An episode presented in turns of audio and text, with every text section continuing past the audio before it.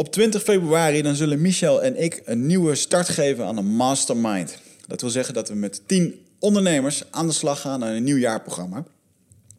En we gaan een jaar lang met die ondernemers bouwen aan jouw onderneming. Dat betekent dat je om de zoveel tijd bij elkaar komt. We hebben zogenaamde mastermind bijeenkomsten. En daar kan je jouw meest brandende ondernemersvragen uh, neerleggen. Die we vervolgens gaan behandelen. Waar we op gaan schieten en waar we je mee gaan helpen. Zodat je de weken daarop uh, houvast hebt met wat je ook alweer moest gaan doen. En daar gaan wij je bij helpen. We houden je er accountable bij. Dus het is absoluut geen vrijblijvend bijeenkomstje. We willen wel echt dat er gewerkt wordt en dat er vooruitgang geboekt wordt. En daarvoor is ook echt deze, deze mastermind echt opgericht. Er zijn landelijke bijeenkomsten, de zogenaamde 12 Waves bijeenkomsten. Dat zijn opleidingsdagen. Uh, zoveel keer per jaar komen we bij elkaar met alle masterminds. Dan krijg je waanzinnige kennissessies over marketing, sales, financiën. Alles wat te maken heeft met bedrijfsgroei. En daarnaast zijn er ook nog de zogenaamde hot seat bijeenkomsten, waarbij we bij ons op kantoor met die ondernemers gaan zitten. En dan mag iedereen daar zijn brandende ondernemersvraag neerleggen en dan gaan we je daar vervolgens bij helpen. Waanzinnig programma. De investering is 4200 euro en we hebben maar plek voor 10 uh, ondernemers. Uh, heb je hier interesse in? Ga dan eventjes naar eindbazen.nl slash mastermind-amsterdam-dragons-den. En daar kan je je aanmelden. Dan gaan we kijken of je erbij past. En hopelijk kun jij met ons gaan starten op 20 februari 2019. Op 17 februari dan geef ik weer een workshop overleven in de moderne jungle. Dat gebeurt uh, onderaan Amsterdam en Vinkenveen. En uh, als jij het lastig vindt om bij je gevoel te komen, of uh, wellicht komen je doelstellingen maar niet van de grond, of je weet gewoon niet wat je wilt, dan zit er een grote kans dat je vastzit in bepaalde patronen. Dingen die altijd terugkomen en waar je maar geen grip op krijgt. En misschien zegt je gevoel wel dat je toe bent aan verandering in je baan of in je liefdesrelatie, of überhaupt in de richting van je leven. Maar je weet niet helemaal hoe dat je een keus moet maken of wat je daarmee moet doen. Nou, dan is dit echt een perfecte workshop voor je. Uh, om daarbij te zijn. Als, als een van die punten die je net noemde, als die resoneren met je, dan is het geen toeval dat je dit hoort. Uh, dit zal een workshop zijn met persoonlijke groei, persoonlijk leiderschap, theorie, oefeningen, maar ook bioenergetics en dynamic meditations. En het idee is hier dat je uit je hoofd komt in je lichaam. Want met je lichaam, dan kan je voelen. En daarmee kan je in één keer op je intuïtie gaan sturen en op luisteren naar je gevoel. Dus dat is een, uh, een workshop die staat eigenlijk volledig in, het, in het thema van dat. Voor degenen die mij hebben gevolgd op mijn reis naar Elliot Huls in Amerika, die weten hier al meer van. Ik zou ook zeggen, kijk eventjes de podcast nog met hem. dan weet je een beetje wat, daar, wat ik daar heb gedaan. En um, nou, heb je hier interesse in, 17 februari, ga eventjes naar wichertmeerman.com. Rechtsbovenin kan je klikken op workshop en dan vind je daar het aanmeldformulier. Er is maar plek voor een maximum van 15 tot 20 mensen. En uh, de plekken die vullen zich al langzaam op. Dus wees er snel bij. Eindbazen wordt gesponsord door Nutrofit. De webshop voor natuurlijke voedingssupplementen en trainingsmaterialen die je helpen bij het verkrijgen van Total Human Optimization. Nutrofit is hofleverancier van merken zoals Onnit, Natural Stacks en Bulletproof Coffee. Probeer onze producten zonder risico door onze money back guarantee. Bezoek ons op www.nutrofit.nl. Bestel je voor 9 uur s avonds dan zorgen wij dat jouw bestelling de volgende dag geleverd wordt. Maar wat zit hier nou in? Van... Wat, is het?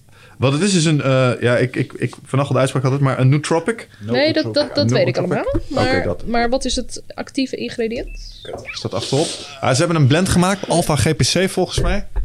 Uh, ja, ik, ik doe het uit mijn hoofd. Ja, het is een blend van allerlei stoffen die neurotransmitters beïnvloeden zodat je... L-tyrosine, ja, die heb ik thuis ook. Die gebruik ik af en toe. L-theanine, kat, uh, katklauw zit erin.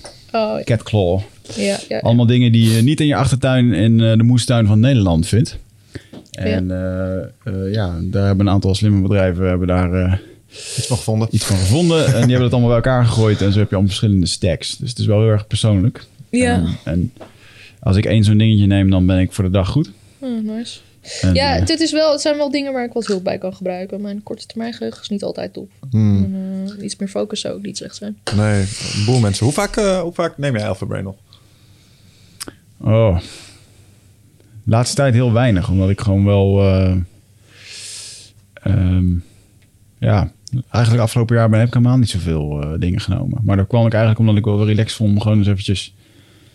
ik vind het nog steeds af en toe een ontdekkingsreis voor mij uh, hoe dat ik me voel en waarom dat ik me zo voel. Uh -huh. Snap je? Dus dan word ik ochtends wakker en voel ik me lekker of niet. En normaal had ik altijd overal potjes in pillen voor. En ik denk in de tijd dat ik nog heel veel sportte, dat ik gewoon altijd met pijn wakker werd. Of spierpijn, of eh, een beetje dat, eh oh, weet je. Tegenzin, ja. En ehm, ja, het heeft wel heel erg geholpen. ehm, ook een aantal keer naar de jungle toe en zo. En sindsdien heb ik daar eigenlijk niet meer zo'n... Mhm. ja. Gaat binnenkort veranderen. Ja, dat, oh, ja. St- top, top secret project. Hmm, Ja. Nee, is dat zo? Moeten we niet eh, Nee, dat gewoon mag niet. meteen eh, Nee, nee, nee. sociaal draagvlak nee, nee, nee, nee, nee. Hij heeft allemaal contracten getekend dat hij het er niet over moet hebben. NDA's. Nee, nee, dit is... eh It will come to you. Ja, nou, ik, moet het eerst nog maar... Ik moet het, het, moet, het, is nog, het is eerst een ding. Het is in, een, in de lucht gegooid en het heeft iets geraakt. En eh, ja, dat. Dus ehm, Oké, joh. change Mooi. subjects. Oké, cool. Ehm, maar nou, ik denk dat we eh, inmiddels stiekem ook wel een klein beetje begonnen zijn. Ehm, ik wou even, volgens mij ben ik jou een eh, bedankje verschuldigd, eh, kwam ik net achter. Ja, graag gedaan. Ja. Nee, En dat, ging, en, nou, dat ging over een van de, de, eh, mijn persoonlijke favoriete podcasts die we hebben opgenomen. eh, Jordan Peterson. En ehm wij hebben daar wat, eh, eh, naar ons eigen idee, eh, wat productiviteit op bedrag. En toen is het ons gelukt om in de studio te krijgen. Maar jij hebt daar een hand in gehad. Ja. Kwamen we zojuist achter. Nou, ik zag dat hij naar Nederland kwam. En toen dacht ik, eh, oh, dat lijkt me echt wat voor de eindbazen. Want Hmm. Ehm, ik sprak de organisator van het evenement waar hij eh, toen optrad. En die zei dat hij nog wel wat plek had in zijn agenda. Mhm. Toen dacht ik, nou, waar zou die nou op zijn plek zijn? En toen moest ik aan jullie denken, als eh, trouwe luisteraar. Ja. Dus, ehm, en ik vond dat het ook echt een heel mooi interview is geworden. Omdat hij, ja, zeker in die tijd nu al wat minder. Maar toen werd hij echt soort van heel rechts geframed. Mhm. Eh, terwijl hij echt best wel een mooie boodschap heeft die ja, gewoon voor zelfontwikkeling en zo. Mensen die voor zelf, met zelfontwikkeling bezig zijn. Ja, zeker. Gewoon echt wel een hele mooie boodschap geeft hij die mee. Hij is niet zo boos eh, als dat iedereen hem doet lijken.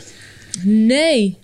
Nee, ik begrijp dat, niet. Ik ik vind hem begrijp helemaal dat niet ook boos. niet zo heel erg goed, moet ik niet zeggen. boos maken, maar dat is een tweede ding.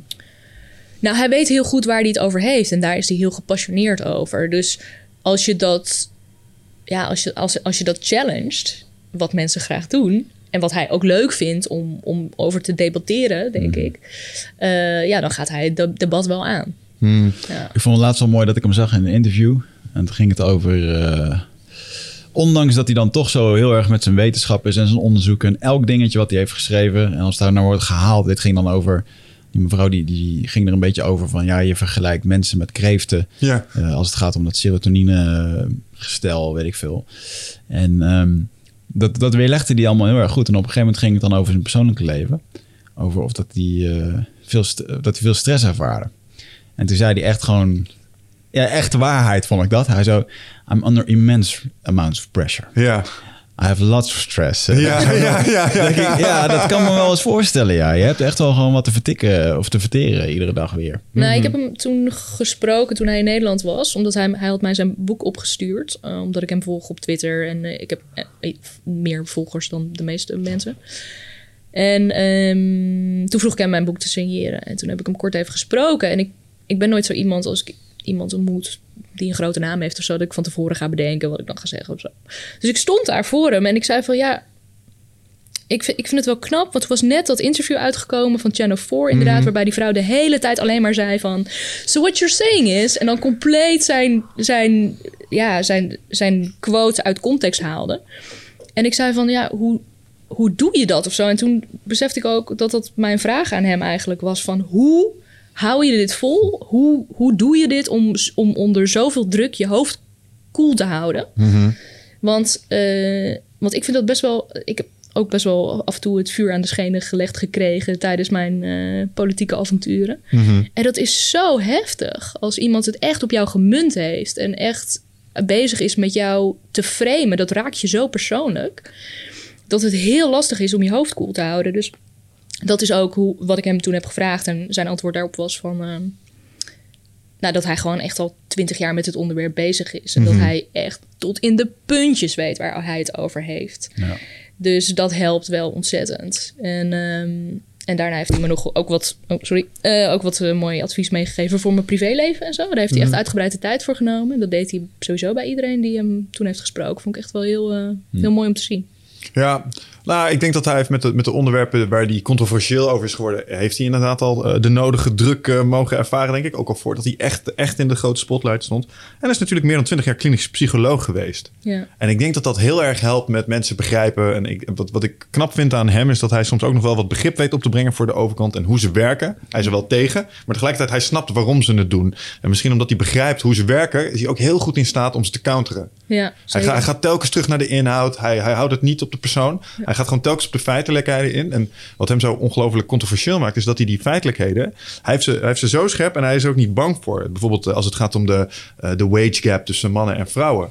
Ja. Iedereen, iedereen hoort te zeggen, ja, dat is heel slecht. Maar hij zegt dan, nee, dat heeft ook gewoon te maken met keuzes van vrouwen. Kijk, hier, statistiek. En dan tikt hij ze alle hoeken in met een paar feitjes. Waarvan mensen zoiets hebben van, oh. En dan, en dan kom je erachter dat die mensen eigenlijk er helemaal niet zo heel erg veel van Nou, weten. die hebben dat nog nooit eerder gehoord. Die hebben nog nooit een ander standpunt gehoord of andere feiten die hun overtuigingen counteren. Mhm. Dus op het moment dat jij feiten hoort die compleet nieuw voor je zijn, ja, dan moet je gewoon even naar huis en gewoon even die processen, zeg maar. Mhm. Dus als ik, een, als ik een debat met iemand voer of een discussie met iemand heb, dan verdiep ik me altijd ook bijna meer in hun standpunten dan in die van mezelf, omdat ik heel goed wil weten wat hun overtuigingen zijn of hun denkbeelden. En vaak hoor je dan gewoon de talking points hoor je gewoon terug. Dat je denkt, oh ja, dat stond in die krant en dat was in dat interview. Mhm. Ehm, en dan merk je inderdaad dat mensen eigenlijk vaak toch wel snel mensen napraten of zo. Ja. En dat is wel jammer. Nou, en ik denk dat wat, wat ook waar is met hem, is dat met name het debatformat is gewoon niet zo heel erg goed voor onderwerpen waar hij over praat. Hij komt echt met name goed tot zijn recht in long format interviews. Ja. Bijvoorbeeld met een Joe Rogan, eh, met, met een Jocko Willing, waar ze gewoon twee, drie uur, soms vier uur praten over dingen, zodat je echt de tijd kan nemen. En dan kom je erachter, er zit veel meer diepgang in dan even die snelle talking points. Ik heb vroeger in een debatclubje gezeten. Ja. Daar leren ze juist om ook een beetje op de persoon te spelen en humor in te zetten. En daar doet de vormer Oh, plots ook toe. Ja, maar ja, het, eh, kijk, debat is een spelletje. En Ja. je wil het winnen. En je krijgt soms een stelling die je moet verdedigen waar je het niet eens mee eens bent. Ja. En waar je, waar je inhoudelijk niet genoeg vanaf weet. Nou, dan krijg je trucjes mee hoe je ook wel een beetje op de persoon soms Wauw. onderuit kan halen. Ja, ja, zeker. Nasty. Oké. Ja. Nou, wat hij ook doet, en eh, ja, dat, hij denkt natuurlijk heel erg in de toekomst. Dus de, de, de dingen waar hij het over heeft, omdat hij zich heeft verdiept in de geschiedenis, ziet hij al aankomen hoe dit gaat aflopen, waar dit heen gaat. En dat is een sprong die. eh, Ik heb nu ook veel meer verdiept in zeg maar, persoonlijkheidstypes en hoe verschillende mensen denken. Maar er is gewoon een heel groot gedeelte van de bevolking die niet zo heel goed vooruit kan denken.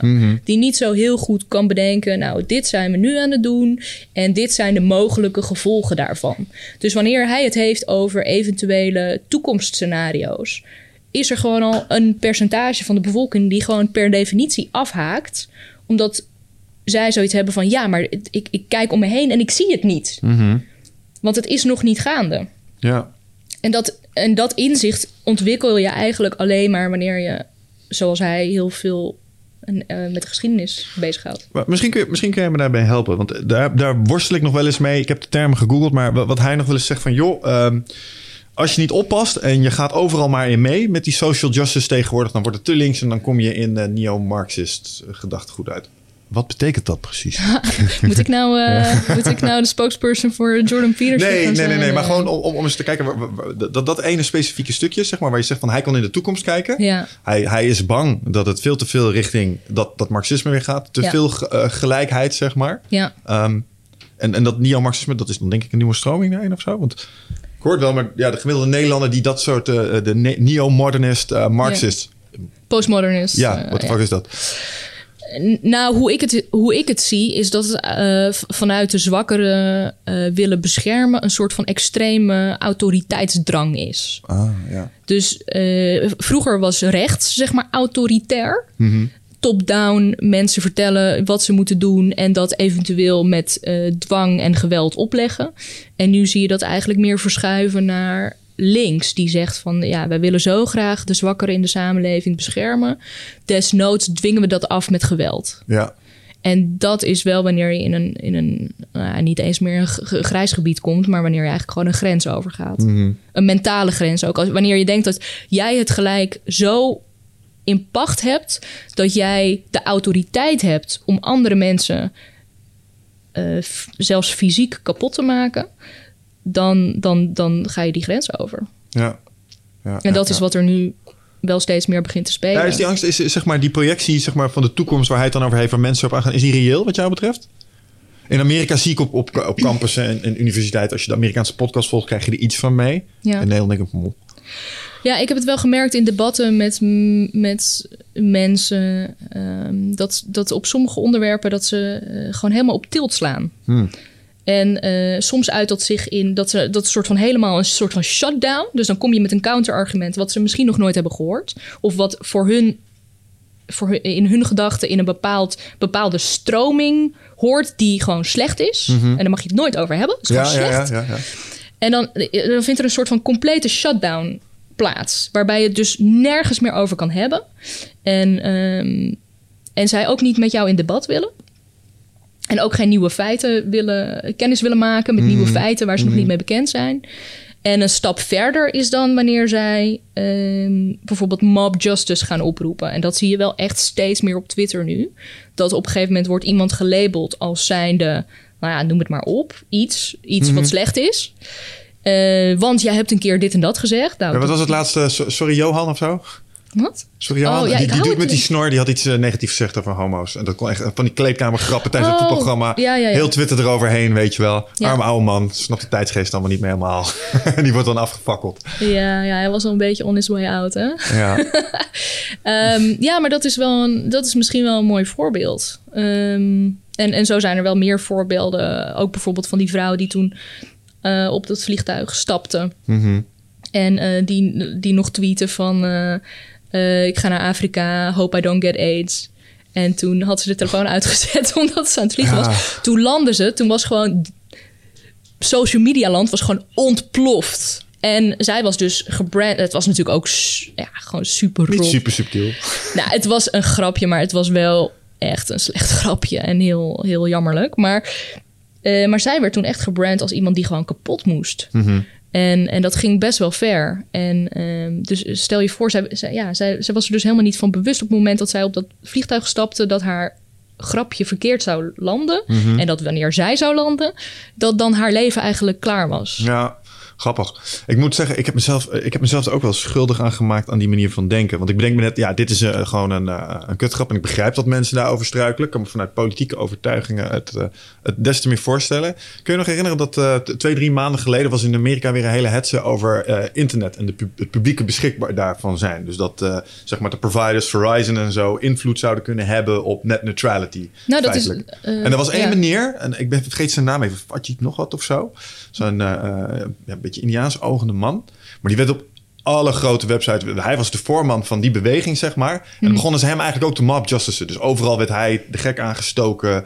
Parodieën op hem gemaakt. En toen dacht ik, ja, pak hem maar. Weet je wel? Van, want hij doet iets waar ik eigenlijk niet achter sta. Dus Ja. het is heel verleidelijk om zo te denken. Ja. Tegelijkertijd. Dus ik snap het gevaar er ook wel van om erin meegezogen te worden. Ja, dan vind ik het wel iets anders wanneer iemand echt een publiek figuur is en eh, bijvoorbeeld ook zich inzet voor politieke doeleinden. Zoals ik zelf heb gedaan, dan weet je gewoon, je kan verwachten dat je gewoon zo ontzettend veel meer shit over je heen krijgt dan een nietsvermoedend persoon die gewoon ergens een baan heeft en eens een keer iets lulligs zegt, weet je wel. Niet dat die mensen het dan verdienen, Ja. maar ehm, je bent er wel beter op, mentaal op voorbereid. En wanneer mensen echt gewoon individuen pakken of zo, of gewoon burgers die hun mening uitspreken, dan denk ik echt, je maakt nu echt veel kapot, weet je wel. Ik heb daar toch wel eens moeite mee hoor. Als je zegt van eh, oké, ik ga iets doen waardoor ik een publiek figuur word. En daarmee krijgen nu plots een heleboel idioten bepaalde rechten over mij. Zoals op een bepaalde manier over mij of tegen mij praten. Ja. Ehm, of eh, mogen ze ineens voor mijn huis liggen met een camera. Want publiek figuur. Ja. Eh, ergens rijmt dat niet helemaal. Ik kan Nou, het gewoon normaal doen. Ja, ja. Nou, Andy Warhol had, toen in het verleden wel eens gezegd van... in the future everyone will have their 15 minutes of fame. Mhm. En nu zitten we eigenlijk wel een beetje in dat tijdperk... waarbij je dus, zoals die vrouw die op dat vliegtuig stapte... van het ene moment op het andere... Tot, ja, overal wereldwijd bekend kan zijn. Aha. En dat is natuurlijk wel een soort van absurde nieuwe paradigma waar we in zitten. Dat opeens iedereen bekend kan zijn. En vroeger had dat eh, jaren bewuste investering nodig. Ehm, en nu, nu kan het je per ongeluk overkomen. Ik Bijvoorbeeld zoals Jordan Peterson eigenlijk ook is overkomen. Want hij was maar gewoon een leraar in Canada. Weet je wel? met een achterlijke hoeveelheid YouTube-materiaal Ja, wou online. zeggen, maar wel een beetje lokale bekendheid. Hij was wel eens in het nieuws geweest. Urenlang colleges was hij al aan het pompen, al tien jaar lang volgens mij. Ja, eigenlijk van de Gary V-methode. hè. Zorg dat je content hebt staan. Wees daar Een hartstochtelijk keer over. Ooit ja, wordt het ontdekt. Ooit wordt het een keer opgepakt, ja. Ja, ja. ja. Ja. interessant. Ehm, maar eh, nee, nee, nee, inderdaad. eh, Je, komt, ehm, je ontkomt er niet aan dat je dan op een bepaalde manier onder de loep komt te liggen. En dat mensen bepaalde tegen je, dingen tegen je gaan zeggen.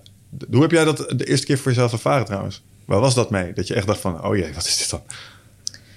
Ehm, nou, ik begon online te werken met een eigen website waar ik eh, materiaal voor produceerde en memberships verkocht. En dat, dat was iets dat gewoon heel organisch groeide. En ehm, in die zin was ik ook niet bekend toen of zo. En op een gegeven moment is. eh, ik deed dat altijd onder een alias. De alias Anzilla. Eh, omdat in die tijd was het heel normaal dat je niet je eigen Ja, naam zeker, zeker. online zette. Dat, dat deed je gewoon niet. Ik Want- weet Wiggert's nicknames nog van vroeger. Ja, NHB Beest. en Juice. Som- Sommige zijn eigenlijk officieel nog steeds geheim. Oh ja. Oh, nou misschien kunnen we het Nee, dit is echt te lang geleden. Daar gaat niemand meer boos over dit, worden. eh, dit- dit- volgens mij als je dit ook googelt, dan komt er niks meer. nee, dat hebben we wel voor gezorgd. Nee, ja. nee eh, Juice was inderdaad mijn...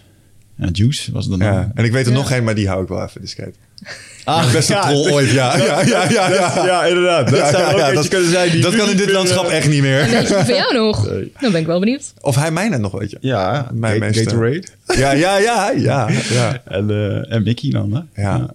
Ja, ik heb ook wel een keer een zuiveringsactie uitgevoerd op mijn online content eh, destijds. Oh, goed zo. Ja. Heel verstandig. Ja, Nou, voor mij was het dus niet meer mogelijk, want van de ene dag op de andere postte eh, geen stijl eh, mijn eh, toenmalige geboortenaam online. En toen was ik opeens een soort van ja, publiek bezit of zo. En het was totaal niet mijn keuze geweest om die naam bekend te maken. Ook omdat, ik, omdat het mijn familienaam was. En ik dacht van nou ja, ik wil mijn familie buiten, er buiten houden wat ik online allemaal doe of zo. Ehm, want toen was online nog iets, dat was ergens, hè? Dat was ergens, daar ging je heen, zeg maar. daar moest je een modem voor aanzetten. Kon je even niet bellen met de buitenwereld. Ja, dat was niet bereikbaar. Ja, dus dat was gewoon een heel. Ja, nu is iedereen altijd online, dus die distinctie is er niet meer zo erg. Mhm. Eh, iedereen loopt de hele tijd te vloggen en. eh, ehm, dat- ja, dat, dat, dat is gewoon een heel andere wereld. Eh, maar toen de tijd dacht ik van, nou ja, ik wil gewoon mijn, mijn alias gebruiken om, eh, om mijn online business groot te maken. En die verder niet eh, koppelen aan mijn familienaam of zo.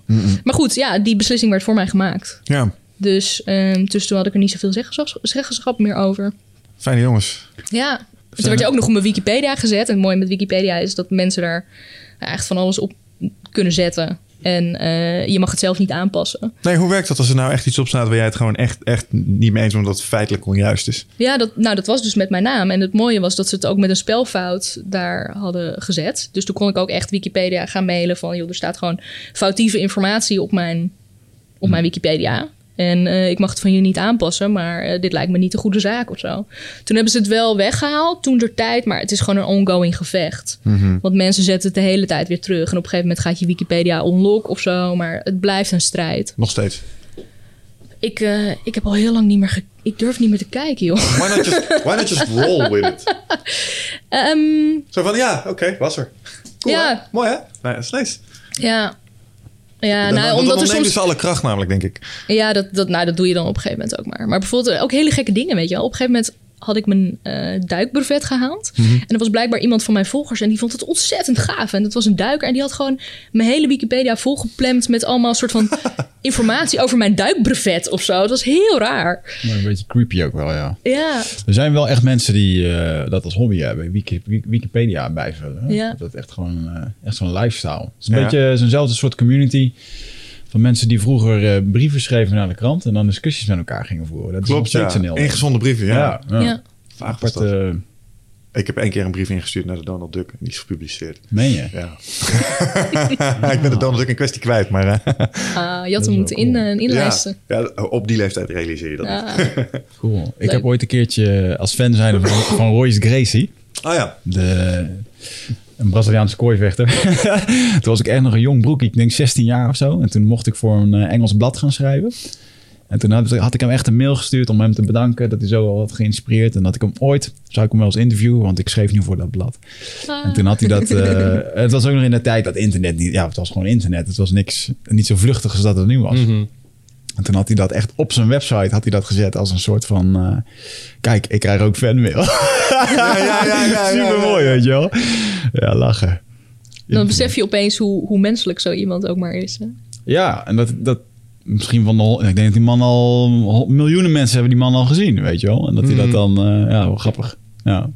Heeft het toch iets geraakt? In, Ja, maar tegelijkertijd, dat is mij ook wel eens eh, opgevallen. eh, ten eerste gewoon hoe menselijk ze zijn. Want het doet ook gewoon van alles eh, met ze, zeg maar. Hoe de wereld op ze reageert. Ik, ik vertelde het jou toevallig net dat, ook als, als je weer terug naar Peterson. Ik zat toevallig met hem in de auto hier naartoe, naar de studio. En dat was net die dag na dat, zeg maar, Channel 4 interview. Ja, en dan vertelt hij ook gewoon openlijk over wat dat met hem doet. Snap je? En dat dat ook niet, dat dat niet altijd even leuk is. En, dat, en, en hoe ze ermee ja, mee om moeten gaan. En mee dealen op dat, op dat moment. En, ja, omdat hij ook verantwoordelijk toen werd gehouden voor het gedrag van, van zijn fans of Klopt. zo. Ja. En dat is natuurlijk heel heftig, want daar heb je helemaal geen. Als, als individu heb je daar geen controle over. Ja, tenzij je echt iets oproept of zo. Maar. Nee. ehm, Maar wat ik wil zeggen, wat we ook Ja. hebben geleerd, is dat hoe benaderbaar ze in principe zijn. Want wij Ja. hebben een paar mensen in de studio gehad die gewoon met één berichtje gewoon kon benaderen. En die reageerden ook gewoon zelf. Dus als je mensen iets stuurt, iets positiefs, dat hebben we zelf ook wel eens gemerkt. We krijgen ook wel eens mensen die dankjewel mail sturen of eh, hele, hele levensverhalen soms. En dat komt ook gewoon bij ons binnen. En wij lezen dat ook gewoon. En ik heb niet meer de tijd om overal op te reageren. Maar tegelijkertijd doet dat wel iets met ze. Dus positief, maar ook negatief. Dus eh, tegelijkertijd, ja. Je, je kan mensen, vooral met het internet, je zei het al, iedereen is online. ja, Ehm, iedereen is in principe gewoon te bereiken. ja. Ja. Dat is een voordeel en een nadeel af en toe. Ja. aan, ja. Maar is dat, is dat ook de, de reden waarom je nu dan zo actief bent op het privacy gebeuren? Nou, dat is wel heel kort door de bocht, denk ik. Eh, maar eh, het lange verhaal is, je wordt een beetje bij beetje bewuster. En eh, er gebeurt hier wat en er gebeurt daar wat. En alles bij elkaar denk je van, god, dit is toch wel een heel belangrijk en onderschat, We hebben onderbelicht twee uur de onderwerp. tijd, hè? Ja. Dus ik zou zeggen, go ahead. Go ahead. Ehm, nou, bijvoorbeeld, ik had mijn, mijn eerste ervaring met een stalker had ik al toen ik een jaar of 14, 15 was. Toen had een jongen had mij uitgevraagd en in al mijn naïviteit had ik gezegd: Oh ja, oké, we gaan wel wat eten of zo. En ja, we zaten daar in de Pizza Hut. en ik kwam erachter dat we gewoon echt niks gemeen hadden. Gewoon helemaal niks. Dus dat zei ik toen ook gewoon van ja, ik denk niet echt dat we een klik hebben of zo. Maar die gast had gewoon zijn zinnen op mij gezet op een of andere manier. En die ging me dus ook echt eh, overladen met cadeautjes en zo. Maar ook dure cadeaus, weet je wel? Dus het was best wel een soort van... Dat maakte, ja, dat klinkt leuk, maar het, het was gewoon best wel creepy. Bijzondere strategie is dat ook wel. Dat je mensen zo wilt pamperen, dat ze uiteindelijk voor je kiezen. Ja, Nou, want na de eerste vijf keer nee gaat dit Ja. er ene ding ervoor zorgen dat En- het en- ineens en- wel ja En is. ben je zelf namelijk. ook schuldig aan hoor. Ik weet nog dat ik de eerste keer een big fight had met mijn, mijn eerste echte relatie. Dat ik, eh, dat was in de eerste twee weken, heb ik meteen een ring gekocht. Gewoon- Maar toen had je er al. Ja, oh ja, toen had ik er al. Maar dan om een soort van... eh, ik, ik, en ik weet nog dat ik ook echt die ring gaf. En dat ik ook echt zei, van, ja, maar ehm, ik doe dit ook echt om te laten zien dat ik, dat ik het ja, echt goed met je bedoel, weet je wel. Maar het was natuurlijk gewoon fucking angst om me kwijt te raken. of om alleen achter te blijven. Ja. Ja. Ja, die, die, die, die, nou, die angst eh, en ook het feit dat het niks met mij persoonlijk te maken had, die heb ik toen wel heel erg gevoeld. Omdat ik dus wel echt besefte van, we hebben echt niks gemeen. ja. Er is niks wat ons bindt. Maar om een of andere reden ben jij zo obsessief met mij. Ehm, en dat was best wel beangstigend. En, ehm, en toen heeft het ook wel echt het nodig. Toen is het wel nodig geweest dat iemand anders even echt zei van joh, het is nu niet meer gewenst. Je moet gewoon nu echt wel even weggaan. En toen is het gelukkig ook wel opgehouden. Maar je voelt je wel, zeker op zo'n jonge leeftijd, voel je je wel gewoon heel kwetsbaar dan. Dat je denkt van ja, shit, wat nou als hij gewoon echt niet meer loslaat of zo. Ja. Hmm. Dus, ehm, dus een aantal van dat soort dingen. Ja, als je op een gegeven moment bekend wordt, dan krijg je meer van dat soort figuren op je af. En, ehm, maar ook bijvoorbeeld haters of zo, weet je wel. Mensen die gewoon met, met online comments je helemaal kapot proberen te maken of zo. En ook intimidatietactieken. En uh, nou ja. Ja, dat, dat komt op een jonge leeftijd komt dat wel heel erg binnen of zo. En um, uh, op een gegeven moment had ik ook een vriendje. En nou, net zoals echt tienduizend, tienduizenden, honderdduizenden jonge meiden. Um, heeft hij toen ook aangedrongen van... joh, mag ik wat sexy foto's van je maken en zo. En uh, nou ja, ik zat er helemaal niet zo op te wachten. Maar eh, ja, je denkt toch van je hebt een vertrouwensband en eh, iemand dringt aan en je wil iemand, je weet je, je, je bent gek op iemand, dus je wil die persoon ook niet teleurstellen of zo. Dus dan geef je daaraan toe en dan gaat het uit en dan word je met die foto's gedreigd. Mm. En dat is, dat is zo naar. Daar kun je niks bij voorstellen als je dat niet hebt meegemaakt. Maar ehm, ja, dat, dat soort dingen. Dat je denkt van ja, ik heb in al mijn naïviteit... eh, heb ik iemand iets gegeven. Iets wat privé is. Iets wat persoonlijk is. En op het moment dat eh, het niet loopt zoals de verwachtingen lagen... wordt dat keihard tegen je gebruikt. Ja. Ehm, ook al had ik niet het idee dat ik iets verkeerd had gedaan of zo. Ja, Hm. ja dat soort dingen. Jullie zijn er stil van, jongens. Nee, en toen kwam ja, verhaal, hè, want nu gaan we naar het privacy verhaal. Ja, nou, het waren gewoon heel veel van, dat van dat soort kleine, eh, kleine dingetjes. Ehm, en oh ja, toen eh, woonde ik in Rotterdam en toen begon ook bijvoorbeeld dat preventief fouilleren onder, eh, onder de burgemeester daar. Die had preventief fouilleren ingevoerd. En dat was in mijn, in mijn buurt. Was dat niet vanwege steekpartijen en dat soort dingen? Ja, zo werd dat uiteraard toen zo geframed. En ze beginnen daar ook, natuurlijk ook wel mee in eh, wat gevoeligere buurten. Ehm, of wat meer risicovolle buur- eh, buurten. Maar dat was in mijn buurt. En ehm, ik voelde me daar niet per se heel erg onveilig of zo. Maar ik werd toch elke keer soort van staande gehouden. En mocht ik ja, mijn, mijn tas afgeven en daar werd in geneust. En eh, ja, je, je, je was toch een eh, tien minuten, een kwartier daar bezig met de politie, zeg maar. En ik vond dat zo invasive of zo, dat ik dacht, ja, ik doe niks verkeerd. Ik ga gewoon naar mijn werk, ik loop gewoon ergens, ik ga naar de winkel. En eh, vanuit het niets moet ik mezelf opeens gaan verantwoorden. En mijn, mijn tas, er zit niks bijzonders in of zo, weet je wel. Maar het zijn toch mijn spulletjes en opeens gaat iemand er doorheen. En dat was een heel, ook een heel vervelend gevoel of zo. En toen had ik al zoiets van, nou, het zou mij benieuwen of dit eh, zeg maar tijdelijk is. Ehm, en dat werd ook steeds meer uitgebreid en uitgebreid. En er zijn nu nog steeds buurten waar dat met grote regelmaat gebeurt. En ik ben ook eens een keer in die statistieken gedoken. Want er wordt al elke keer zo'n rapport door de politie uitgegeven. Van, nou, het was super succesvol. Iedereen eh, werkte vrijwillig mee, wordt er dan altijd gezegd. Maar wat gebeurt er als je weigert? Je mag weigeren. Wat gebeurt er dan? Dan word je meegenomen naar het politiebureau. Mag je daar alsnog doen. Dus dan ben je niet zeg maar een kwartier kwijt. Dan ben je een halve dag kwijt. Dus dat vrijwillig meewerken, dat, dat mag je ook met een korreltje zout nemen. Ehm, en eh, ja, ik vond het heel invasive ook. Eh, vanuit een soort van autoritaire eh, eh, oogpunt. En wanneer sloeg dat om richting... Oké, maar nu, nu moet ik hier iets mee gaan doen? Ehm, dat was 2012. En ik had best wel een goede, goed runnende online business. En toen kreeg ik ontzettend een keelontsteking. En toen was ik echt een tijdje uit de running. Ik kon gewoon niet meer praten. Dus ik lag gewoon echt een, een aantal weken ziek op bed. En ik merkte dat ik gewoon... Ik zat toen al op Twitter en ik volgde een aantal journalisten... die, eh, die schreven over eh, online privacy... en over ehm, eh, bedrijven, grote bedrijven in Silicon Valley... en ehm, eh, ook overheden die steeds meer richting massasurveillance probeerden te duwen. En ik was er zoveel over aan het lezen. En ik dacht van ja, ik, ik zag niemand om mij heen die het daarover had. En ik dacht van dit, dit wordt het grote onderwerp van de toekomst. En we hebben het met z'n allen gewoon totaal nog niet door of zo. Eh, niemand, niemand zit hier op te letten, niemand heeft het hierover. En, ehm, en toen, was het, toen werd ik weer beter en toen dacht ik ja, ik ben zo gepassioneerd over dit onderwerp. Ik vind het zo belangrijk. Ehm, ik, ik heb heel veel moeite met nu gewoon weer terug naar modellenwerk te gaan, zeg maar. Dat, dat, dat voelde opeens een soort van he- heel, ehm, heel niet-zeggend of zo, of totaal onbelangrijk. En ik, ik had toen in die tijd al contact met een burgerrechtenorganisatie ehm, voor digitale rechten, die heet Bits of Freedom. En eh, ik hielp hen al af en toe met een beetje retweet en wat, wat informatie, ja, of wat informatie van hen verspreiden. Ehm, maar ik heb hen toen gewoon heel proactief gecontacteerd. Van joh, ik wil jullie heel erg graag eh, helpen. Zij, zij zeiden in die tijd ook dat ze eh, niet genoeg donateurs hadden om hun werk voor te zetten. Toen zei ik, nou, ik vind dit zo belangrijk. Ehm, ik denk dat ik wel wat ideeën heb over hoe je meer mensen kan bereiken. Die community kan laten groeien. En jullie boodschap bij meer mensen kan laten aankomen. Dus toen eh, ben ik een half jaar daar gaan werken als een soort stage om meer hierover te leren. Oké. En eh, Bits of Freedom zelf, waar, waar knokken die precies voor? digitale rechten tegen massasurveillance. Dus als je het hebt over internetvrijheid en ehm, vrij je online kunnen bewegen, eh, dan houden zij zich vooral met die politieke kant bezig. en Een beetje politieke lobby.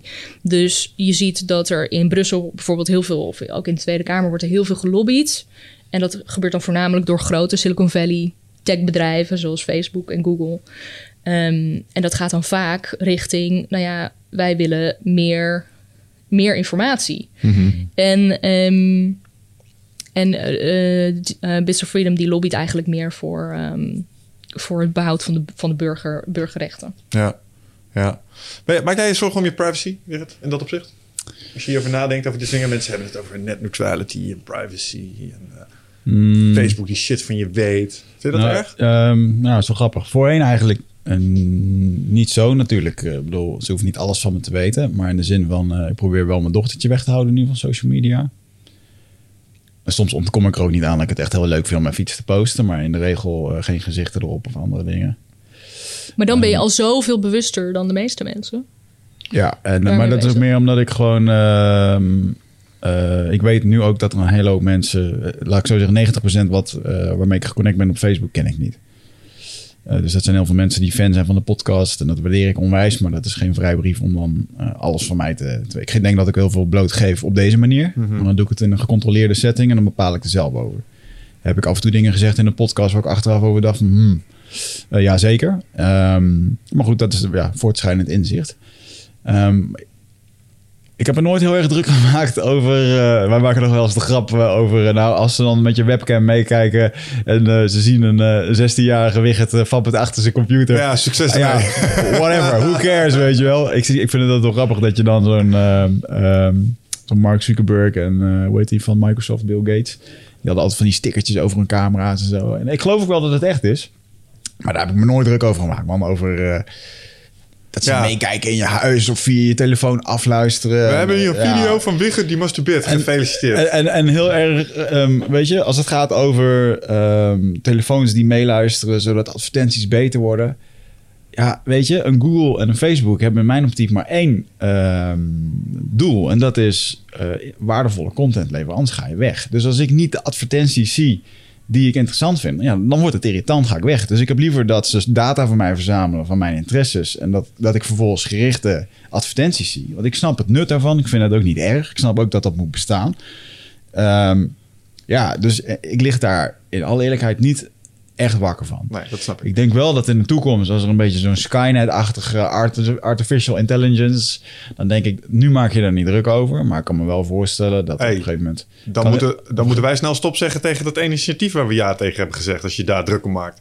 eh, Nou ben ik heel benieuwd. Wij gaan, eh, ja, wij gaan, de volgende, wij gaan Skynet eh, voeden. We zijn benaderd door een student. Die werkt voor een groot Amerikaans bedrijf. En die voeden hun AI eh, met eh content streams. Om, eh, om audio zeg maar, te analyseren. Gespreksvormen en onderwerpen. En die hebben ons om toestemming gevraagd.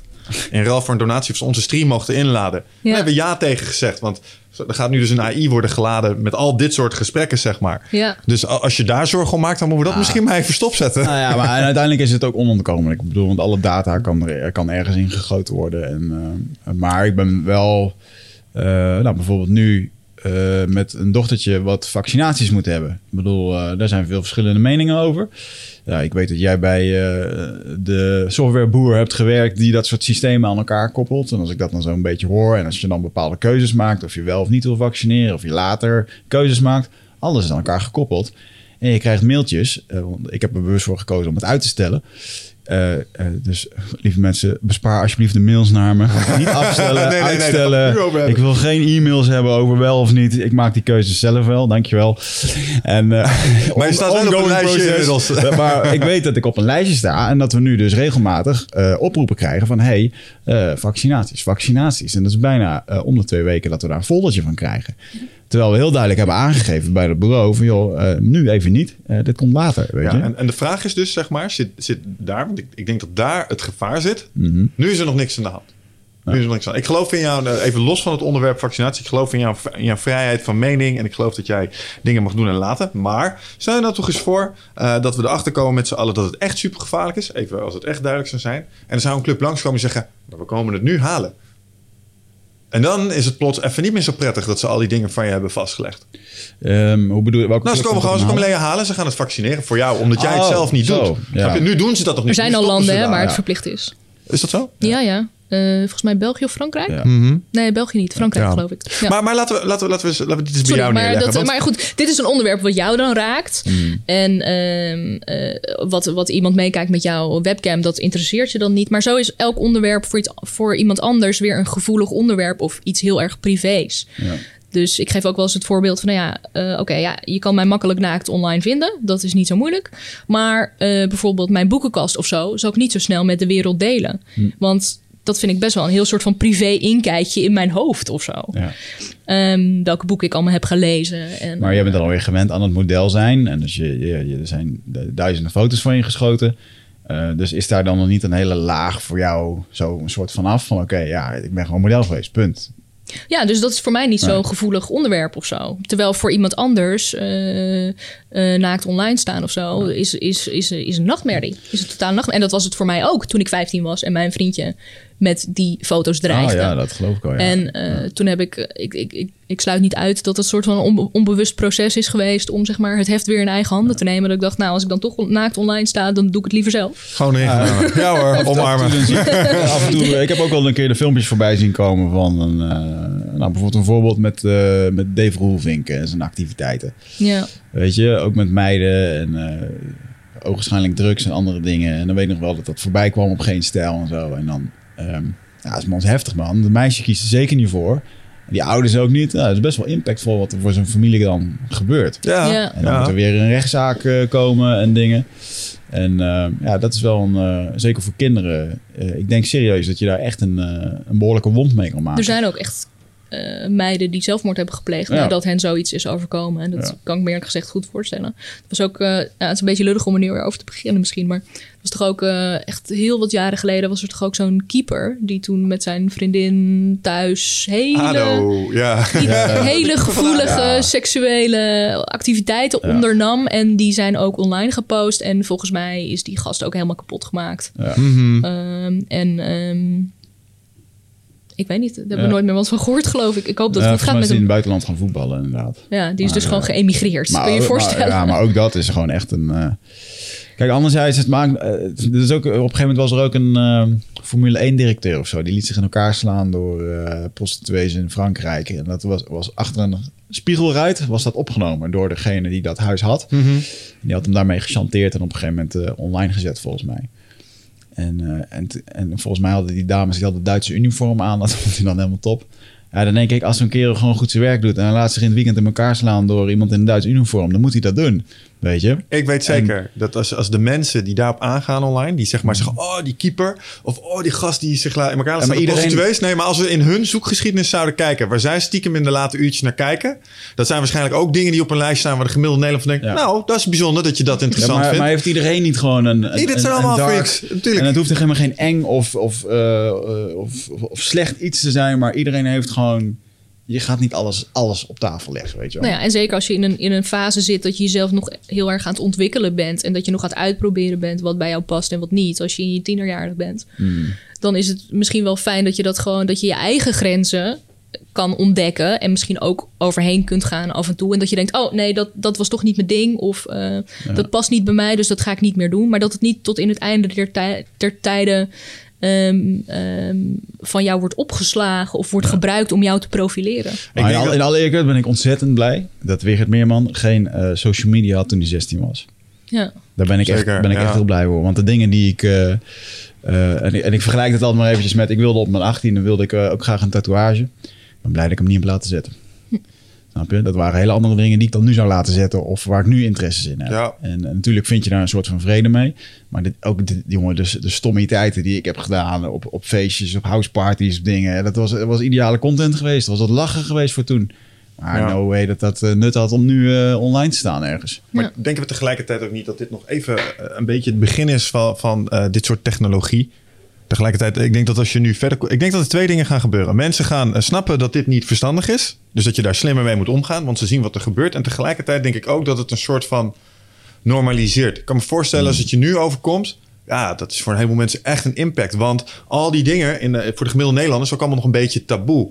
Maar ik denk dat het internet ook wel eh, taboes doorbreekt. Want laten we wel Zeker. wezen, het internet is echt niet groot geworden omdat je online de beurs of het weer kunt bekijken. Ik bedoel, ik geloof dat 80% nog steeds erotisch materiaal is. Snap je wat ik bedoel? Dus tegelijkertijd zal het daar misschien ook wel voor zorgen, als het dan een keer gebeurt, dat iemand denkt van, het is met jou, ja, oké, er staan naaktfoto's online. En, en nu? Ja. Uh, Oh, er is een filmpje van Wigert dat masturbeert. Ja, Wigert masturbeert. Nou en, net zoals 99,9% van alle andere mannen. Ik weet je zeker dat er nu mensen dit gaan googlen. Ja, dat denk ik wel. masturbeert. Helaas. in Nou, de en volgende keer, ja, je volgende Ja, keer ja. als iemand dus jouw naam intypt, dan komt er automatisch achter te staan masturbeert. Oh ja, top. Ja. Ja. Als suggestie, omdat veel mensen daarop hebben gezocht. Dus dat blijkbaar. Ja, snap je? Dat is Ja, snap je hoe dit allemaal gaat? gemaakt Ik heb, trouwens. hè? ik, heb Dat, dat, ik heb dat wel eens gedaan inderdaad. Er staat wel, als je zoekt op Wigert, staat er Wigert leeftijd. Oh, dat zou ik voor de grap doen. Nee, zo, tegenwoordig zijn dat items bij shows. Dan, dan geven ze mensen, zeg maar, eh, tikken ze hun naam en dan moeten ze commentaar geven op de, result, zeg maar, de resultaten die worden aangevuld. Dus als je op jouw naam zou zoeken, dan staat er de eerste term en dat laten ze dan zien. En dan lees jij dat en zeg je, oh ja, en dan moet je er een verhaal Hier, bij mij staat er Ja. Wigert Meerman leeftijd, Wigert Meerman LinkedIn, Wigert Meerman MMA. Ik heb nog steeds MMA-fans. Eh, Wigert Meerman Instagram, Wigert Meerman RTL Late Night, Wigert Meerman Facebook, Wigert Marieke, mijn vriendin, Wigert Meerman Eindbazen, podcast Wigert Meerman. Ja.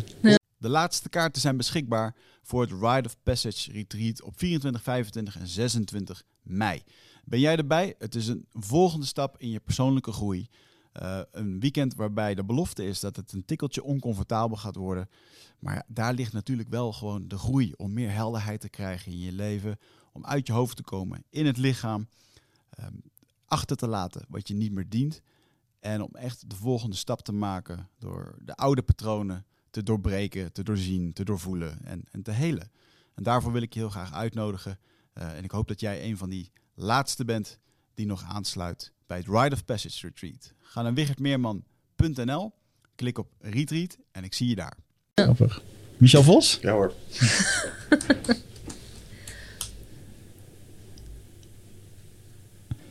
Michel Vos Facebook. Eh, graffiti aannemer. Tiel, Groningen, Amerika, Vossenberg. Nou, Nee. er zijn te veel Michel Die komt ja, dat, ja, mijn naam is natuurlijk redelijk eh, uniek. En, eh, grappig. Nou, Maar goed. Nou, zijn, sowieso zijn er heel veel dingen die van jou verzameld worden en geprofileerd worden. En eh, nou ja, we, we, we zijn- we hebben het nu weer over een beetje dus, dus de, de meer seksuele eh, context waar je je zorgen over kan maken. Maar het kan natuurlijk ook financieel zijn. Nee, ik denk dat het meest pakkende, vo- pakkende voorbeeld is. Maar ik, ik, ik geloof dat er inderdaad eh, allerlei, allerlei risico's zijn. Bijvoorbeeld het voorbeeld wat Wicht juist aan het van ja, ze mogen mijn data hebben, want eh, betere advertenties en betere ervaring, et cetera, et Ja. cetera. Maar wat is de keerzijde van die stelling? Dus eh, wat weet jij, wat wij nog niet weten, waarom dat eigenlijk helemaal niet zo'n goed idee is? Nou, we weten inmiddels dat het niet alleen daarbij blijft. We weten dat eh, Facebook inmiddels uitgebreid heeft geëxperimenteerd met de emotionele, emotionele staat van hun gebruikers. Ze hebben erop los geëxperimenteerd door ehm, een, een bepaald, bepaalde eh, gebruikersgroep ehm, alleen maar negatieve eh, content te laten zien. En een andere groep gebruikers alleen maar positieve content. En vervolgens hebben ze gekeken naar hoe beïnvloedt die, da- die, dat die mensen. En gaan ze vervolgens zelf ook eh, minder positieve berichten plaatsen. En dat, Ja. en dat is iets waar eh, gelukkig eh, journalisten achter zijn gekomen. Maar ehm, dat had Facebook het liefst onder de pet gehouden. En zo zijn er wel meer van dat soort dingen. We weten dat het niet alleen voor advertenties gebruikt wordt en advertenties die jou interesseren. Nou kan je je trouwens ook afvragen op het moment dat jij advertentie, eh, producten koopt die jou worden aangeraden omdat je daar interesse in heeft. Krijg jij dan een goede deal? Of krijgt die adverteerder die, eh, die dat adverteert een goede deal omdat zij er gebruik van kunnen maken dat zij weten dat jij dat product op dat moment toch gaat kopen? Dus dat ze jou misschien een, een hogere prijs kunnen er, zit, aanrekenen. er zit zeker een neuro, eh, neuro-effect in dat ik het een paar keer zie en dat ik dan denk van ja, ik, moet, ik zie het nu weer, ik ga het nu doen. ja. Voedelmarketing. Ja. Ja, maar eh, anderzijds voel ik mezelf wel bewust genoeg. Ik, ik heb zelden dat ik een aankoop doe dat ik denk, ah, stom. Eh, Ik heb weer mijn creditcard gegokken. Ik had Maar- geen geld voor. Maar met vliegtickets bijvoorbeeld weten, weten we ook dat naarmate jij vaker zoekt op een bepaalde Ja. vlucht, dat die prijs omhoog gaat. Ja. En als je dan gewoon simpelweg een andere browser gebruikt Noem of een ander IP-nummer. Sorry? Noem hem even. Nou, dat is niet een browser, maar ik werk voor de zoekmachine startpage.com. Eh, we hebben gelukkig ook een anonymous view ehm, eh, functie. En daarmee kan je ook websites anoniem bezoeken. Dus kan je ook daadwerkelijk kijken van... nou ja, wat kost een vliegticket nou... zonder dat ze mijn hele profiel eraan vastplakken? Is het dan goedkoper? En vaak blijkt het inderdaad het geval te zijn. En een incognito venster, dat is dan niet hetzelfde. Wat bijvoorbeeld een Google Chrome heeft.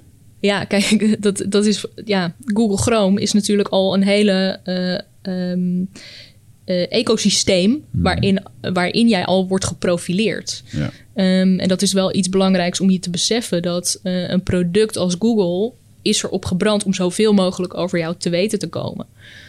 En vervolgens gebruiken ze dat om ja, een beter profiel van jou te kunnen aanmaken. Luister. En wat daar in de toekomst mee gaat gebeuren, dat weten we nog niet zo goed. Wat we wel weten, bijvoorbeeld dankzij Snowden, is dat het informatie is waar de Amerikaanse overheid eh, gretig gebruik van maakt onder de Patriot Act. Ja. Ja.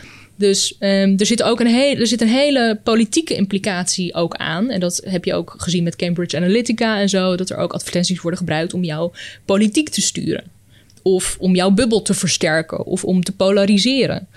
Ehm, dus het is allemaal niet zo onschuldig als... eh, oh leuk, ik krijg producten aangeboden die ik toch al wou hebben of zo. Ehm, ja, dat snap ik wel. Er zit wel een hele, een hele ja, belangrijkere en potentieel lugubere kant aan. Ja, denk niet dat als je in incognito-modus van Google Chrome zit, dat er geen data van je wordt gemined in principe. Het is niet meer als een eh, deftige manier om je, om je zoekresultaten en je, zeg maar, eh, je browser history eh, zeg maar, makkelijk te, ma- te maskeren. Maar ja, in principe denk je dat, dat Google niet weet van, hé, hey, hier op dit IP-adres, dat is Wigert Meerman. Eh, en nou ineens, oh ja, dat is een incognito-modus, maar wel van hetzelfde IP-adres. Ja, ik dacht dat het even ging om te vliegen. Ik ga dan al naar Skyscanner en dan haal ik altijd mijn tickets. En dan doe ik dat altijd in een incognito venster. Ja. Met, dan denk ik, ik weet helemaal niet of dat echt zo is. Dan, dan denk ik dat mijn prijzen niet omhoog gaan als ik dan de volgende keer nog een keer eh, kom. Ik hoop het voor je. Vra- vraag je daarover, hè, wat je net zei. Want je, je haalde net een aantal voordelen aan. Bijvoorbeeld eh, die, die technologie die, die Facebook heeft ontwikkeld met deze experimenten. Dus wat ze eigenlijk kunnen is stemming eh, en gedachten klein beetje sturen. eh, door wat ze op welke momenten met welke content nog meer com- gecombineerd bij jou op je timeline zetten. Ja. Dat zou je heel negatief kunnen inzetten. Maar tegelijkertijd zou je dat ook super positief kunnen inzetten. Ja. Want wat nou als ik mensen waarvan ik weet dat ze veel op zoek zijn naar termen als zelfmoord en depressie. Dat doet Eh, Facebook al. Oh, dat doen ze al? Ja. Oh, maar there you go. Eh, Ik bedoel, er zijn ook allerlei benefits die je kunt oogsten op die manier natuurlijk. Ehm, die zijn er zeker potentieel, maar het hangt heel erg af van eh, natuurlijk de, de ethische blauwdruk die een bedrijf aanhoudt. En op het moment dat jij weet dat eh, een, een overheid eh, gretig inplucht bij bedrijven voor al hun data, dan vind jij het misschien ook wel van belang of dat eh, de Nederlandse overheid is, of de Amerikaanse overheid, of misschien de Chinese of de Russische overheid. Zeker. Dat maakt ook nog een heel verschil. En ik denk dat we inmiddels ook wel weten dat Facebook nou niet een van de meest ethische bedrijven ter wereld is. Dat is, het staat niet heel hoog op hun ranglijstje van belangrijke dingen of zo. Maar even los van het feit van het experiment van zojuist. ehm, wat zijn nog meer onethische dingen die ze echt hebben gedaan? Ehm, nou, ik zit even met een voorbeeld in mijn hoofd, wat misschien voor jullie wel relevant is. Want jullie hebben het best wel vaak hier over eh, ayahuasca. Eh, en dat, dat is een druk natuurlijk. Eh, op het moment dat jij dus toestemming geeft aan die, dat grote Amerikaanse bedrijf waar je het net over had, om al jullie data en al jullie gesprekken te laten uploaden in die AI-cloud, kan het maar zo maar een keer zijn dat op een gegeven moment jullie content wordt geband vanwege het feit dat ayahuasca in heel veel landen hartstikke illegaal is. Ehm, en dat jullie dat eigenlijk, zou je kunnen interpreteren, dat jullie dat promoten. Dus in die zin zitten jullie al een beetje in het grijze gebied van is dit legale content of niet? Dat hangt heel erg van- af van de geolocatie. In Nederland, nou, ik weet niet eens of ayahuasca nog legaal is in Nederland. Volgens mij niet meer. Nee. Ehm, maar mocht nooit überhaupt eigenlijk. Nou, het is niet nooit legaal geweest, maar het, is, het precies. was ook niet illegaal tot begin. Ja, Afgelopen jaar, toch? Twee kerken mochten het schenken inderdaad, ja. Ja. Maar volgens mij is het. Maar het is gewoon illegaal, punt. En iedereen Ja. die dit, alle, alle kleine aanbieders die dit al 20 jaar doen of 15 jaar, die zijn allemaal illegaal bezig, punt. Ja. Ja.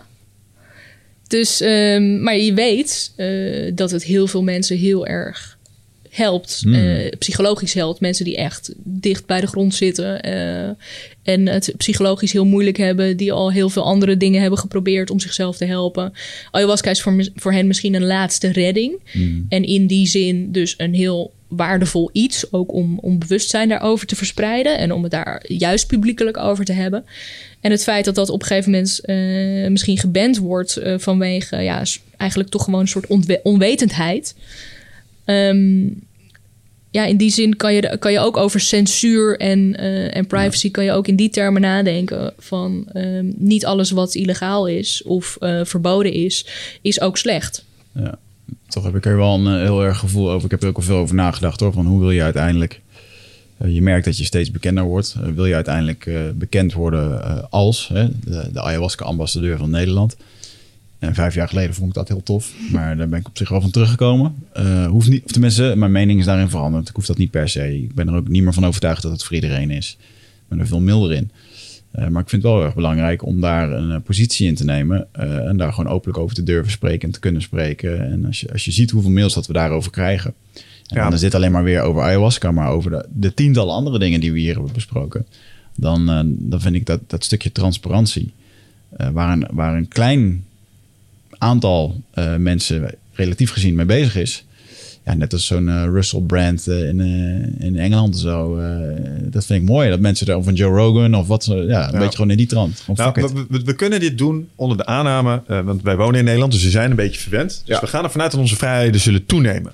Dat, dat is de aanname hier. Ja. Het risico zit hem erin. Ehm, dat, stel je nou toch eens voor dat er hier iets gaat gebeuren waardoor de wet van Nederland drastisch verandert. Ja. Ehm, waardoor plots eh, ayahuasca, eh, cannabis, alcohol, alles daaromheen gewoon verboden is. En erover praten wordt ook niet gewaardeerd. Ehm, en dat, was er, dat, dat is er over twintig jaar ineens. Ja. En ineens kunnen ze met terugwerkende kracht gaan ze iedereen die daar ooit bij betrokken is, gaan ze aanpakken, beboeten. Nou ja, je misschien wordt in zelfs ieder wel geval opsluiten. geprofileerd. Je wordt geprofileerd, je staat op een lijstje, je kan Ja. plots eh, nergens meer naar binnen. Ehm, wat niet eens zo gek gegrepen is als je kijkt naar wat er in China gebeurt momenteel. Maar gewoon diensten worden gekoppeld aan je online ranking. Ja, nou ja, online, wel eng, ja. online. Ja, je, je, het, eh, eigenlijk wordt de, de maatschappij wordt daar gegamified. Ja. Dus overal waar je loopt, word je eh, gefilmd.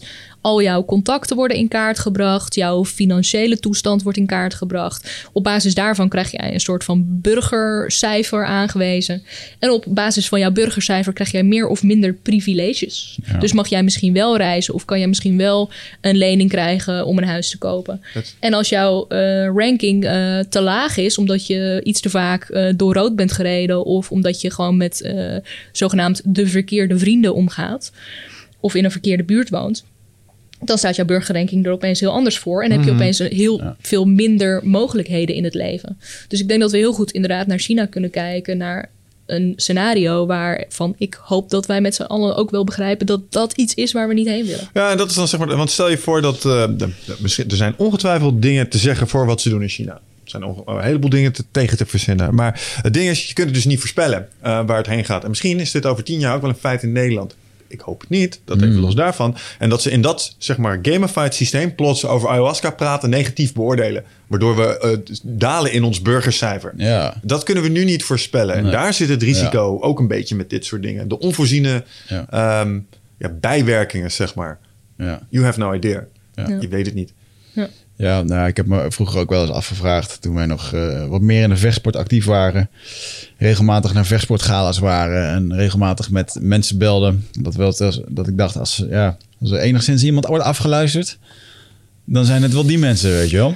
En Ja. daar, daar lagen we ook mee te bellen. En dan, dan je wist dat gewoon dat die eh, eruit werden gepikt op zo'n gala om eh, Ja, hoor. de- door inlichtingendiensten en dingen. En ja, dat is maar nooit. eh, ik- dat moet ergens een keertje. De naam Wigert Meerman moet, er, moet ergens voorbij gekomen zijn. Jij hebt ergens op een of andere tapchart gestaan Ja, bij een ook. recherchedienst. Zo van, oh, die Wigert Meerman, die belt nog eens wel eens met deze en deze meneer. Zeg Ja, maar dat cirkeltje, dat is toch zo gedaan? Ik Ja, bedoel, eh, eh, weet je, dan eh, organiseerde ik een vechtsportgala van iemand die een jaar later werd doodgeschoten.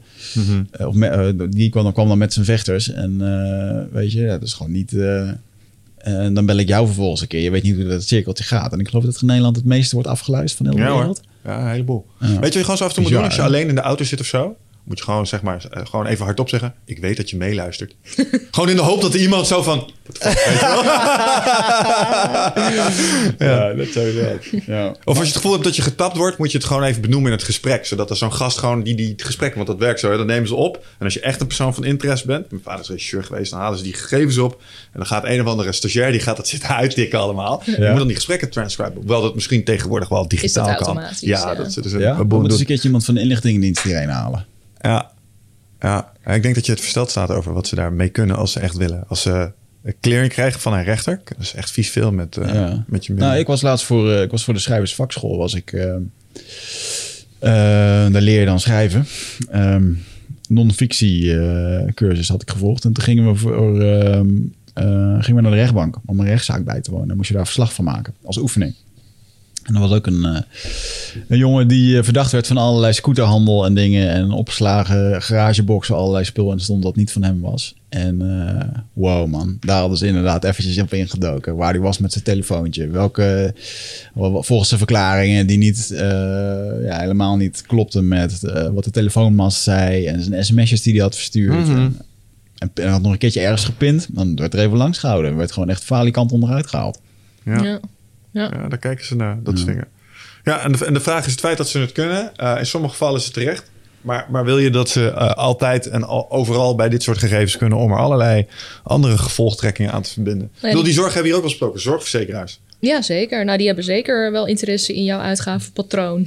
Ja. Ja. En eh, al is het alleen maar of jij bijvoorbeeld een nachtmens bent of een ochtendmens. Weet je, nachtmensen zijn over het algemeen eh, eh, hebben meer, whatever, meer fysieke klachten of zo. Oh, dat je sigaretten afrekent ergens. ja. Of je alcoholverbruik. Wauw, dat zijn Ja, Of vlees eten ja. in de toekomst kan best wel eens taboe, echt een taboe worden. Ja. Ik krijg bijvoorbeeld ook korting op mijn zorgverzekering omdat ik vegetariër ben. Is dat zo?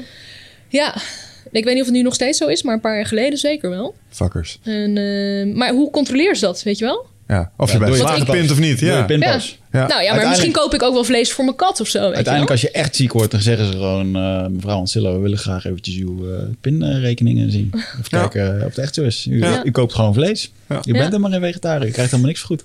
wel? Ja, je ziet, nou, de war on cash is iets waar ik eh, veelvuldig eh, over communiceer eh, in het openbaar. Eh, dat er toch steeds minder plekken zijn waar je contant kan betalen. Dus die hele mogelijkheid om, eh, om ehm, je betaalgegevens, betaalverkeer voor jezelf te houden, die wordt je gewoon ontnomen. Terwijl we eigenlijk naar een tijd zouden willen waarbij er meer mogelijkheden zijn. Bijvoorbeeld cryptocurrency en pinnen en contant. Gewoon allemaal hartstikke handig. Eh, maar je ziet eigenlijk dat contant steeds meer. ehm contant geld en contante betalingen steeds meer vervangen worden door gewoon alleen maar pin. E- Even een nerdvraagje. Is, is crypto's niet juist een stap terug in termen van eh, transparantie? Omdat daar alles in staat van iedereen. Ik bedoel, eh, iedereen weet wat, wat er is, zeg maar, bij de bank op de rekening staat. En bij wie. Bij de bank? Nou ja, bij de, bij de spreekwoordelijke coins, zeg maar. Er wordt toch, het werkt toch zo dat in die chains... dat de public- alle, alle transacties eh, opgeslagen. Ja, de Dus- pub- public blockchain. Ja, Ja.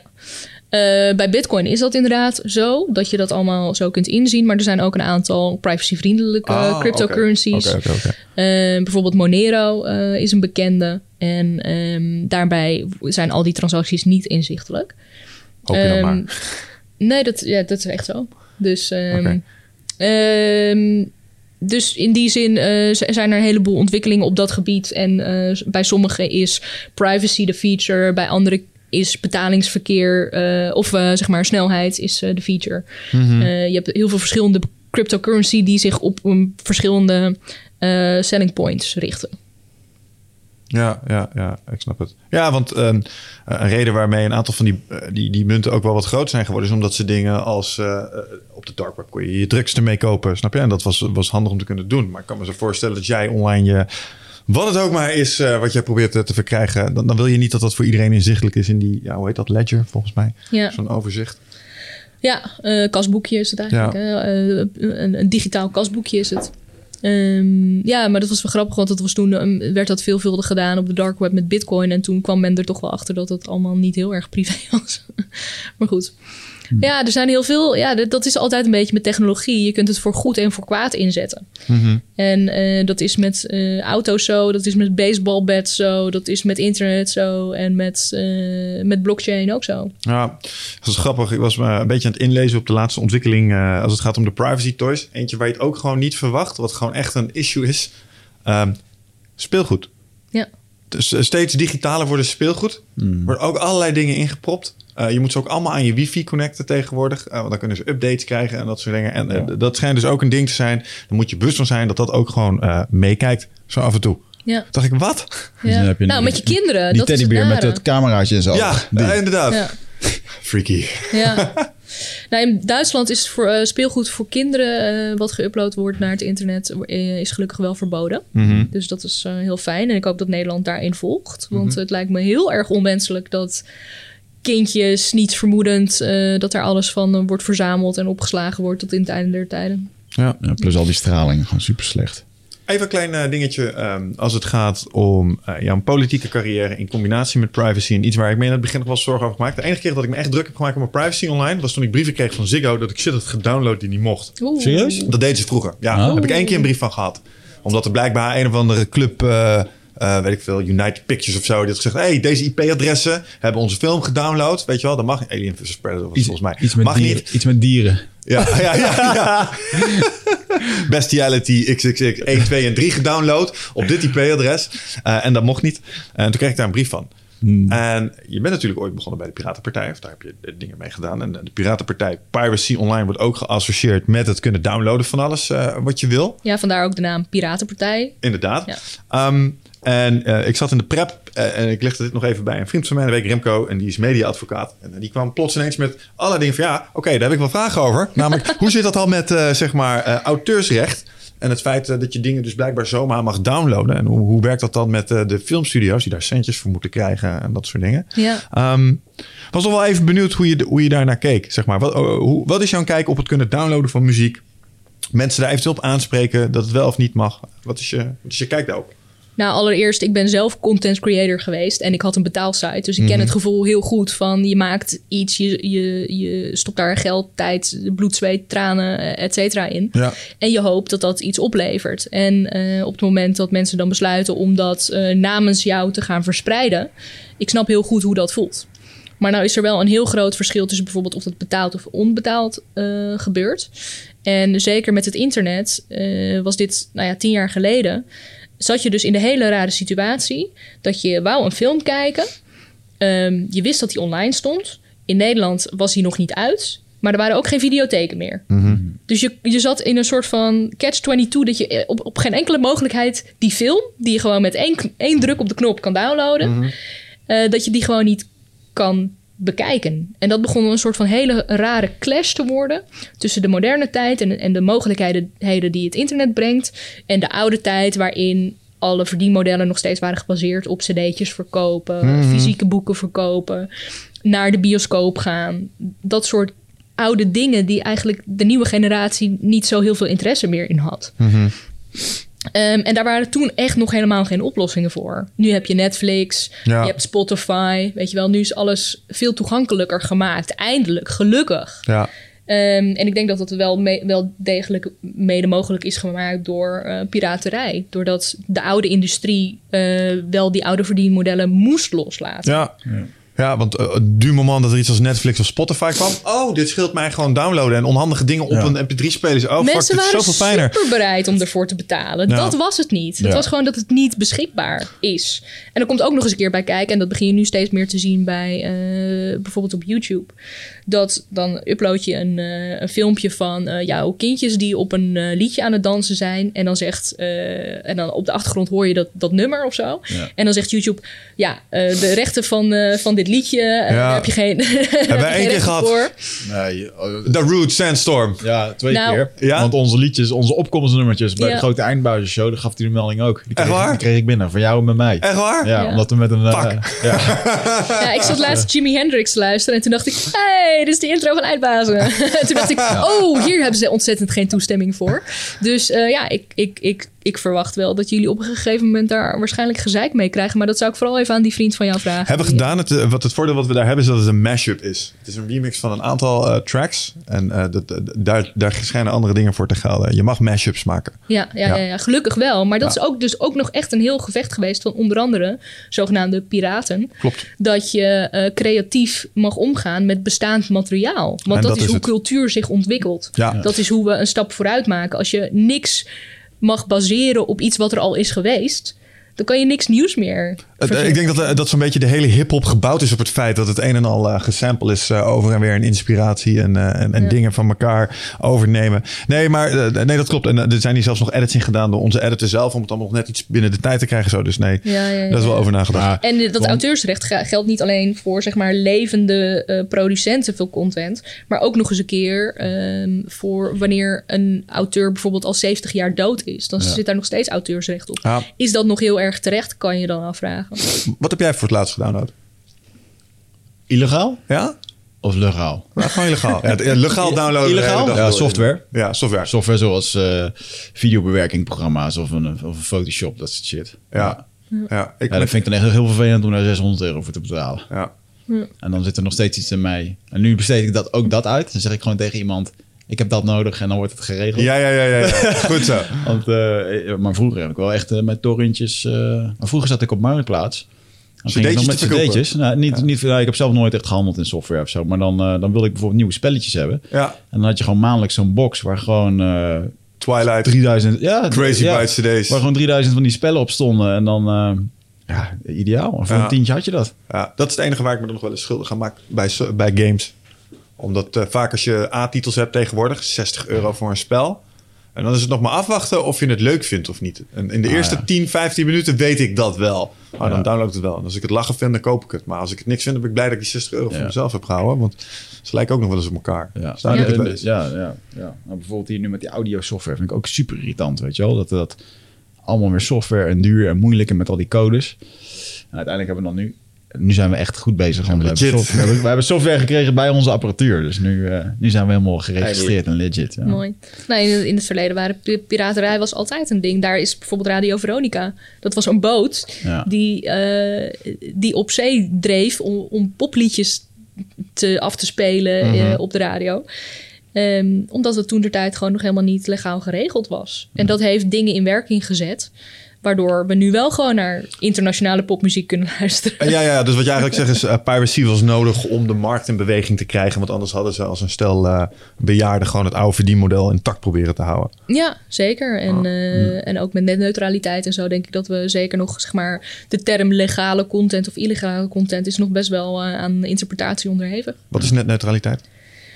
Dat je niet, dat een provider niet kan gaan besluiten of jij, wat jij wel en niet tot jou mag nemen eh, met internet. Ja. Dus ehm, jij betaalt voor internet en vervolgens mag er niet eh, voor jou besloten worden eh, dat je bijvoorbeeld ehm, Netflix of Spotify sneller kan streamen dan een ander alternatief bedrijf, omdat bijvoorbeeld Spotify of Netflix een goede deal hebben met jouw internetprovider. Stel je dat voor.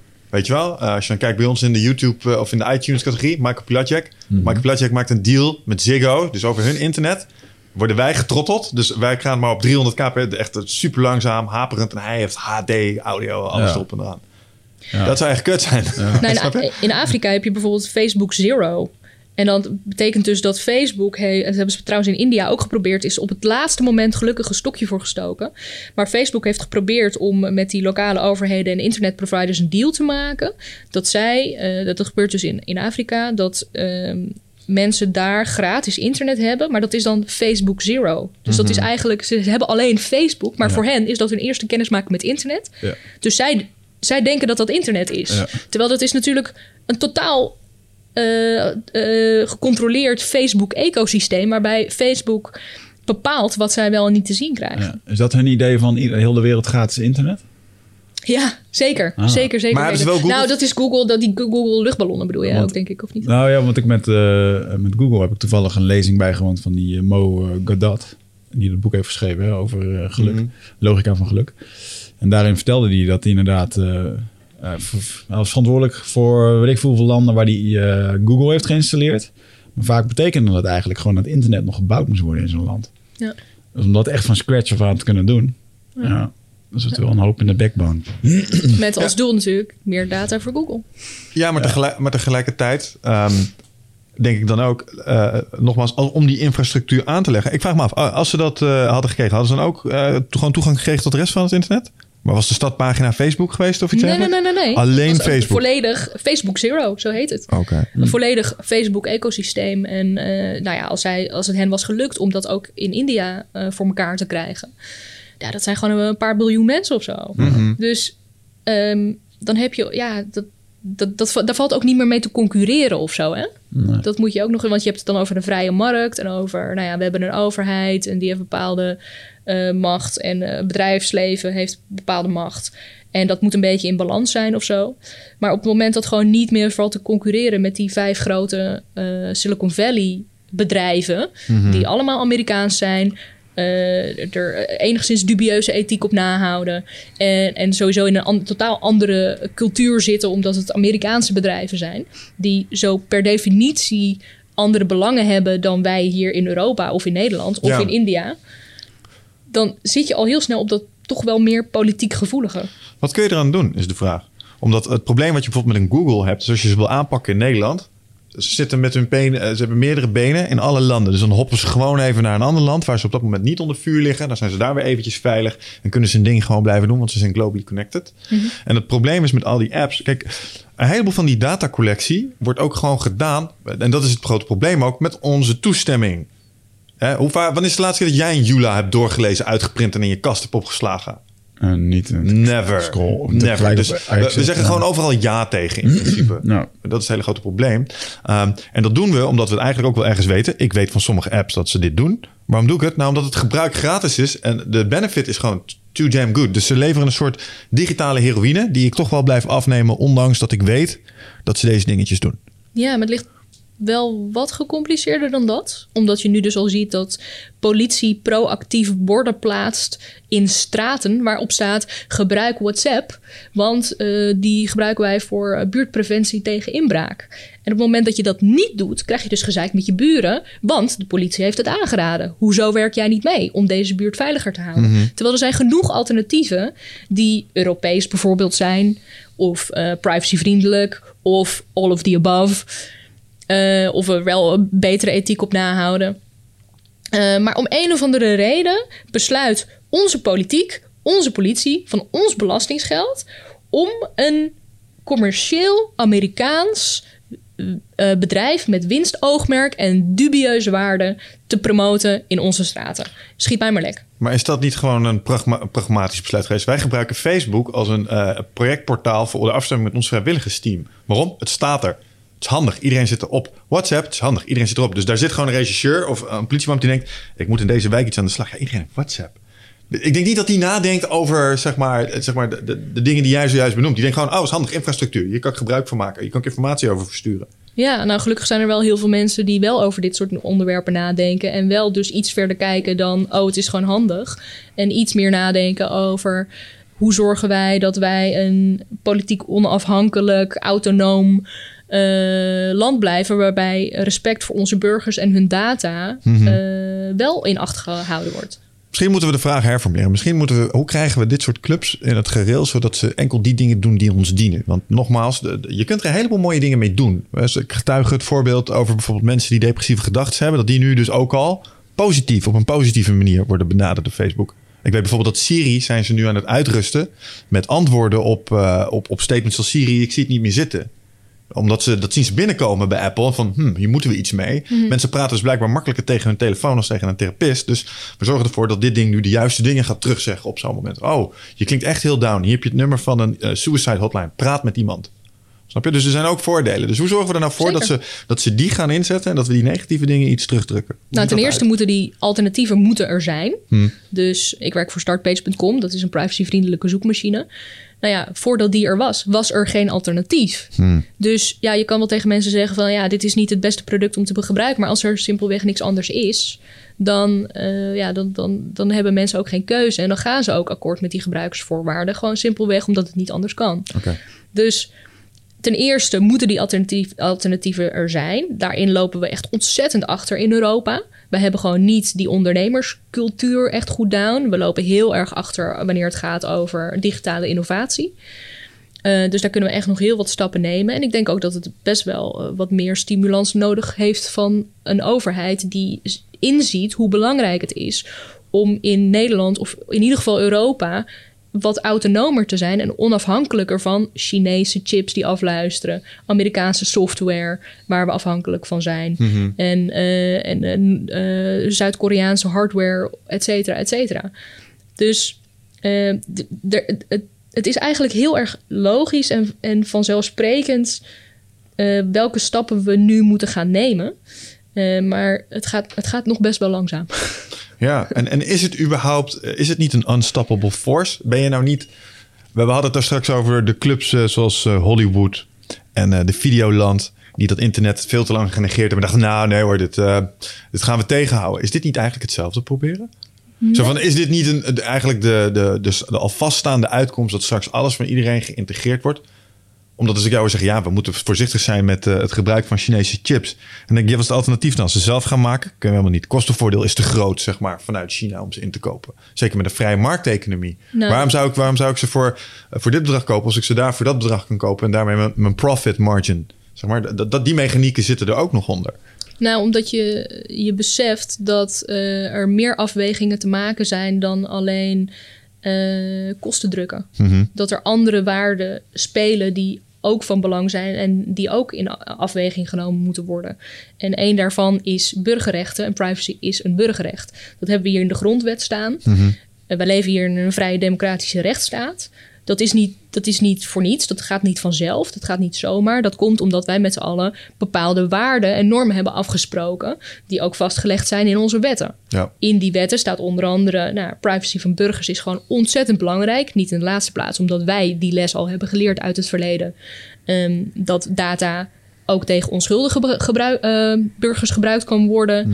eh, wanneer een overheid het niet zo goed voor heeft met de maatschappij. Ehm, wij hebben die harde lessen al geleerd. En in andere landen in de wereld is dat nog niet het geval geweest. Of in ieder geval in mindere mate of minder recent. Ehm, dus vind ik het ook aan Europa om daarin een, een voorloper te zijn. En gelukkig nemen we die rol ook steeds serieuzer met nu nieuwe Europese privacywetgeving. Om te laten zien, ook aan de rest van de wereld, van wij maken onze afwegingen op basis van natuurlijk ook kosten, maar ook op, op basis van het serieus nemen van onze rechten. Ja, ja ik, ik snap wat je zegt. Nou ja, te- tegelijkertijd misschien is het dan toch minder lastig om het voor elkaar te krijgen. Want ik zie jou net heel sterk van... Wij, kunnen concurrerend zijn op een aantal van die onderdelen. Bijvoorbeeld, hè, ehm, is dat zo? Zijn wij in, Nederland goed? Of in Europa in staat om, om de concurrentie aan te gaan met, met die productiemachine die China heet als het gaat om technologie? Kunnen we dat echt zelf doen? Of zullen we toch altijd wel eh, enige afhankelijkheid houden van hun, eh, nou ja, hoe zeg je dat, eh, deelproducten die je nodig hebt om complexere machines te maken? Nou, het lijkt me heel goed als, je, als wij in ieder geval bouwen aan alternatieven. Dus wanneer puntje bij paaltje komt en we komen echt in een situatie dat bijvoorbeeld. Ja, het zijn allemaal dingen waar je ook niet over na wil denken. Bijvoorbeeld, maar als je bijvoorbeeld op, op een gegeven moment echt in een situatie komt dat Europa en eh, Trump clashen. Of eh, eh, China toch besluit om hun territorium uit te breiden of zo. Wij zien dat, dat je dan niet afhankelijk bent van hun apparatuur, van hun eh, infrastructuur, van hun systemen. Eh, en dat, dat zijn te belangrijke dingen om nu te denken van... ah ja, het is al te laat of, ehm, of dat zal wel niet... hopelijk is het niet nodig of zo. Ja, nou ja, eh, wat ik, wat ik interessant aan vind is omdat... Als China met één, één druk op de knop al onze apparatuur kan uitzetten... Ja. is dat best een vervelende situatie om, om, om in te zitten en afhankelijk van te zijn. Zeer onwenselijk. Nee, nee, nee, dat snap ik helemaal. En, en ik begrijp ook dat je vanuit eh, de oude manier van denken... eh, en je denkt in naties, en je denkt in landen... en je denkt in machtsblokken en zo... dat, dat die dynamieken er ook 100% zijn. Alleen het grappige is, we hebben te maken met een technologie... die zich daar echt nul van aantrekt. Ja, je hebt wel iets van een Great Firewall in China... maar we hebben van Dick Swaap begrepen... dat ze daar ook eh, makkelijk overheen kunnen... als het eh, echt nodig is. Dus je hebt tegelijkertijd een kracht, die heet het internet... die ervoor zorgt dat alles eigenlijk naadloos met elkaar integreert. En je hebt altijd de weg van de weers- weerstand die wordt gezocht. Wij merken dat zelf ook wel. Als wij producten maken nu, vanuit een hele andere tak van sport, dan gaan wij op zoek naar de plekken waar we dat, de, de kwaliteit en prijsverhoudingen het meest optimaal zijn. Dus niet noodzakelijk altijd in Nederland. Ja. Snap je? En, en dus tegelijkertijd, als je, als je eh, die infrastructuur aanbiedt en je laat daar ondernemers en individual agents in los, die game theory gaan toepassen. Dus waar haal ik de meeste benefit met eh, een goede kostenbalans? Dan, dan is het ook heel moeilijk om daar iets tegen te doen. Tenzij je vanuit de, als je vanuit de overheid weer gaat zeggen: ja, maar jij mag niet meer handelen met China. En dan gaan we weer een beetje stappen terug doen. Ja, maar dat is ook helemaal niet nodig. Het is niet nodig om te zeggen je mag niet meer dit of je mag niet meer dat. Ik ben zeker niet voor allerlei verboden of zo. Maar ik ben wel voor het scheppen van positieve alternatieven. En het feit dat startpage.com, privacyvriendelijke zoekmachine Ja. die zeker iedereen zou moeten gebruiken, ehm, als twintig jaar lang een winstgevend bedrijf is. Het is een Nederlands bedrijf. Dus het kan. We hebben het al laten zien. Eh, er zijn apps die zijn ontzettend succesvol. Bijvoorbeeld Signal is gewoon een super mooi alternatief voor WhatsApp. Dus die alternatieven zijn er wel. Maar het heeft wel even. We zitten nu inderdaad heel erg in die beginfase dat we nog ontzettend naïef met internet omgaan. Ehm, en dat we nog totaal geen oog hadden voor de schaduwkanten van die technologie. En wat er ook allemaal. ehm, wat voor misbruik er ook gewoon gemaakt kan worden. Ja. Ik denk dat we nu op een punt zijn dat zeker die omslag is gekomen. Dat we nu wel degelijk besla- nu we meer weten van bijvoorbeeld Cambridge Analytica en ook Google eh, mag zich weer verantwoorden eh, voor de rechter, omdat zij ehm, een, zwaar gecensureerde zoekmachine in China aan het bouwen zijn. Eh, Project Dr- Dragonfly heet dat. Dus dat besef, dat is er nu. En nu is het dus een kwestie van keihard bouwen aan die alternatieven. ehm, die wel degelijk rekening houden met, eh, met die schaduwkant. Ja. Eh, Ik snap dat die schaduwkanten er zijn. Ik snap dat je ze tegen wil houden. Ehm, maar dat zou je vooral doen als je speelveld stabiel was. Dus als je weet, eh, we zitten in een situatie en die gaat nog jaren zo door. Waar ik aan zit te denken hierbij is het volgende. We hebben als mensheid hebben een paar problemen te tackelen. Resource schaarste, climate change, dat soort dingen. En de oplossing is, is telkens gedragsverandering. En hoe meer wij leren over menselijk gedrag door data mining, hoe meer wij kunnen leren hoe we dat moeten sturen. Kijk naar wat we nu al doen met politieke uitkomsten. En hoe meer eh, knoppen wij misschien ook wel hebben om aan te draaien. Om onze maatschappijen en economieën een bepaalde kant op te duwen die ze op zullen moeten als we dit verhaal duurzaam willen gaan spelen. Ja. Snap je? Ja. Dus misschien met dat we eh, zeg maar goede alternatieven opbouwen, ontnemen we ons ook wel ergens een stuurmechanisme dat we in de komende tijd snoeihard gaan nodig hebben om de grootste uitdaging die we binnenkort voor de voeten hebben, zeg maar, om die goed te gaan kunnen tackelen. Ja. Dus die miljoen mensen een bepaalde stroom van informatie toedienen die ervoor zorgt dat ze bepaalde dingen gaan doen, kan maar zo eens voor het lange spelletje ongelooflijk ons in de kaart spelen. Snap je wat ik zeg? ja, Wat, wat denk je daarvan? dat ik echt heel nodig naar de wc moet. Oké, dan moeten we dat eerst nog even doen. Ja. Wij kletsen wel verder. ja. Wat vind jij daarvan, Wigert? En dan zal ik de Instagram eh, live sessie die we hier hadden ook maar eh, beëindigen. Jongens, zo gaat dat gewoon in de studio bij ons. Kunnen mensen hier ook even zien. Nu zie ik mezelf live op Instagram op de camera Net hè? terugkomen. Top. Oké. Sweet. Toch grappig hè, dat we hier, eh, we hebben, het- we hebben het hier over allemaal dingen die potentiële problemen veroorzaken. En tegelijkertijd, terwijl we het over hebben, maken we zo dankbaar gebruik van alle infrastructuur die het mogelijk maakt. Ja, Zeg ik bedoel, terwijl, we, man. luister, terwijl we het erover hebben, zit ik hier te livestreamen met Facebook. Zitten de mensen te reageren, zitten ze te liken en dingen te vertellen. Dat ze en hebben we hele strategieën hoe we Facebook het best kunnen inzetten om ons eigen Ja. succes in principe te vergroten. Ja, ik, denk- Dat is wat ik zeg, man. Het gemak is te groot en het biedt, biedt zoveel waarde. ik ben er ook niet bang voor, want als het fout gaat, dan komt er wel weer wat nieuws waardoor het ehm, beter wordt. Maar tegelijkertijd denk ik ook van, oké, Google, Google, toen Google begon, had het als missie don't be evil. Ja. Toen werd het te groot. Toen werd het evil. Nou hebben we hier... Ja, maar hetzelfde met sms'jes sturen. Even heel simpel. Vroeger had je fucking rekeningen van 300 euro. dat je weet je appen. dat nog? Sms. En op een gegeven moment eh, appen. En toen ging het in één keer... Ja, maar straks gaan ze wel geld vragen voor data. Ze gingen gewoon een verdienmodel veranderen. Laatst moest ik mijn neefjes uitleggen, ja, over sms'en gesproken. Dat je soms, dat je toetsen, moest je drie keer op drukken voor je C kreeg. Ja. En dan moest je, en, dan, en dan kon je, en dan kon je fucking snel, kon je echt loeirappe ja. berichten mee maken. wedstrijden in. Dus Ah, had geen idee. Uh, huh? dat moet ik eerlijk zeggen dat deze... dat deed snel. En het lopen ook. Had jij nu net een vraag gesteld nog? ik had de vraag gesteld wat ze, wat ze vond van het idee dat we eh, met, met alle infrastructuur die er nu is, daar zitten risico's aan. Maar tegelijkertijd kon het ook nog wel eens onze redding zijn. In de zin van, hey, als jij eh, eh, climate change wilt veranderen, moet je mensen andere dingen laten doen. Dan Ja. moet je de Michels van de wereld van overtuigen dat vlees eten een slecht idee is. Ja, ja, oké. En wat nou als je daar dingen als zijn social media features voor inzet? Om hem daar eigenlijk een klein beetje in te heropvoeden. Zodat zijn gedrag beter gaat passen in de lange termijnsdoelstellingen van deze planeet. Ja, je ontneemt mensen een complete persoonlijke vrijheid en je gaat ze een soort mindhacken. Ik snap het wel. Maar ja, als je de beschaving wil laten voortbestaan, zul je iets moeten gaan doen. Snap je? en dit zijn misschien sturingsmechanismen. Dat was de vraag. Ja, het is een hele interessante filosofische discussie. Want wie besluit wat goed is? En als je het hebt over een, een democratie waarbij eh, elke stem telt en iedereen zijn stem mag uitbrengen voor de toekomst van dat land, dan kun je afvragen ehm, of, of die stemmen nog zo autonoom zijn op het moment dat die compleet gestuurd worden of eh, psychologisch beïnvloed worden. Ehm, En dan niet alleen voor de belangen van jou en jouw community en jouw land, maar ook nog eens een keer op een soort van globaal niveau. Ja. Ehm, nou, het lijkt, me, het, lijkt me, het lijkt me niet gezond op het moment dat er aan de andere kant van de wereld, bijvoorbeeld in Silicon Valley, wordt besloten wat de toekomst van mij en mijn community aan de andere kant van de oceaan wordt. Ja, maar dat, oké, dat is interessant. Ehm, geloof je daarmee ook in... ehm, de, de- en de reden dat je dat zegt is omdat zij weten niet hoe het leven hier is. Dus zij kunnen geen zinnige dingen zeggen over wat hier zou moeten gebeuren. Ze hebben simpelweg andere belangen. En dat is wel degelijk een beetje geo- geografisch bepaald. En ook cultureel bepaald. Amerikaanse eh, cultuur is gewoon heel erg anders dan, eh, dan de Nederlandse cultuur. Nee, en dan de eh, Japanse cultuur. Dus hun normen en waarden zijn niet eh, één op één hetzelfde als onze normen en waarden. Nee, dat snap ik. Nou ja, de, de reden waar ik aan zat te denken was is van... ehm, eh, nogmaals, als je iets wil doen in, in, in menselijk gedrag... we hebben het gezien, we kunnen hun kiesgedrag beïnvloeden middels deze systemen. Dus dat zou ook betekenen dat je het consumentengedrag... op een positieve manier kan beïnvloeden middels deze systemen. Eh, nudges, if you will.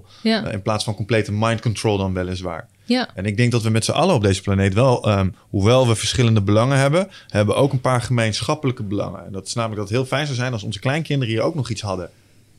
Waar ze gewoon een prettig leven konden leiden. Zeker. Dat, staat wel een beetje eh, op de tocht zo af en toe, heb ik het gevoel, als je daar met de juiste mensen over spreekt. nou we moeten zeker bewuster omgaan met, met natuur en milieu. En eh, daar zijn we steeds beter in aan het worden, gelukkig. Ehm, maar ne- een beetje net zoals dat Jordan Peterson zegt: van je moet bij jezelf beginnen als een soort olievlek. Je moet het zelf goed voor elkaar hebben. Je moet eh, zelf je leven zo indelen dat, dat je eh, goed in je vel zit, optimaal functioneert, gezond bent. Dan misschien kun je voor je vrienden en familie gaan zorgen. En als dat goed gaat en je you got that covered, dan kan je misschien eens een keer tegen de wereld gaan aanbemoeien. En eh, kan, kan je kijken bijvoorbeeld wat jou in jouw community of in jouw land beter kan doen. En zo zie ik het ook een beetje met dit soort dingen. Ehm, laten wij in Nederland nu in ieder geval zorgen dat wij het goede voorbeeld geven. En dat we in ieder geval, en dat hebben we nog lang niet. Dat is nog lang niet zo. Maar dan, kom ik weer even terug op een opmerking die je eerder hebt gemaakt over persoonlijkheidstypes. Ja, Hè, waar, waarom bijvoorbeeld Jordan Peterson op een gegeven moment frictie voelt met een paar mensen. Als je het hebt over de toekomst, ja, Sommige mensen die krijgen een bepaalde blik, zeg maar. Dus Ja. zeg maar de, de, de, thousand mile stare, die, die haken af. Die hebben daar geen zin in, die denken daar niet over na en die geloven dat allemaal wel. Ja. En wat je eigenlijk zegt is, ja, het begint bij persoonlijk eigenaarschap. En eh, ieder individu van de maatschappij moet daar zijn verantwoordelijkheid in nemen. Maar dat doe je de aanname dat die in staat zijn om dat te doen. En daarvan hoorde ik in het begin zeggen, dat zijn sommige mensen niet. Nee, nee, nee, dat is niet waar. Dat is niet wat ik zeg. Het is een beetje die tipping point. En eh, ik ben nu meer dan twintig jaar vegetariër. Toen ik, nou, ze zegt twintig jaar geleden vegetariër werd... en ik vertelde dat aan mensen... nou, die keken me echt al aan alsof ik echt helemaal gestoord was. En oh, ben je ook al zo één geitenwolle sok, dit en dat. Oh, je Alleen bent- maar wortels. Alleen maar wortels. en eh, goh, eh, je bent wel, eh, oh, je bent wel bleek. Je moet zeker meer van vlees eten. En eh, oh, je bent wel een beetje stevig voor een vegetariër. Alsof ik een of ander uitgemergeld, whatever, skelet zou moeten zijn of zo. Ja, Dat heel, waren twee beledigingen in één. ja, ik heb ze allemaal gehoord. En ik was niet eens heel fanatiek of zo. Ik heb niemand proberen te overtuigen. Ik deed gewoon mijn ding wat goed voelde voor mij. En nu zie je dat, eh, dat vegetarisme, eh, het gaat al niet ver genoeg, zeg maar. Eh, elke fit girl op, op Instagram is vegan, op zijn minst. Dus, dus het is een kwestie van tijd voordat, voordat de tipping point bereikt wordt. Dat een bepaald bewustzijn overslaat naar, dat noem je ook wel de 100 Monkey. Ik weet niet of je die, die legende kent. Dat niet met die, trap oplopen? Dat een, groep apen, een andere groep apen straft? En dat op een gegeven moment de, de laatste groep apen niet meer weet waarom dat is? Eh, dat is een ander apenvoorbeeld. Volgens mij, die van mij was iets met, met eh, aardappels wassen of zo. Zoiets Nee, oh, le- let's go. Wat was het voorbeeld? Ehm, nou, in ieder geval, het gaat inderdaad een beetje over die epigenetics, eh, volgens mij ook. Dat op een gegeven moment eh, een bewustzijn een bepaald tipping point bereikt. Dat het een collectief bewustzijn wordt. Ah, ja, ja. En eh, ik weet niet of het nou een legende is of dat het ook echt uiteindelijk aan wetenschappelijk eindelijk is aangetoond dat eh, met die aapjes, dat wanneer 100 aapjes eh, iets doen met een reden, dat dan het 101ste aapje het gewoon doet omdat al die andere aapjes het doen. Ah, ja, ja, ja, ja, ja, ja. Omdat het toch een soort van. En zelfs dan maakt het niet uit of die gescheiden is van, van die 100 aapjes. Maar ehm, dan zit dat soort van in het, in het collectieve bewustzijn gebakken. Of misschien in het DNA bijvoorbeeld. Dat kan ook. Maar. de- en, dus- en dus sommige ontwikkelingen hebben tijd nodig. En eh, we- de, de industriële revolutie, waarbij wij massaal gingen consumeren en massaal eh, goederen gingen produceren en massaal eh, gebruik gingen maken van fo- fossiele brandstoffen en zo. Die tijd is nog helemaal niet zo lang geleden. Dus het Nee. heeft gewoon simpelweg wat tijd nodig gehad om erachter te komen van... hey, dit zijn die schaduwkanten.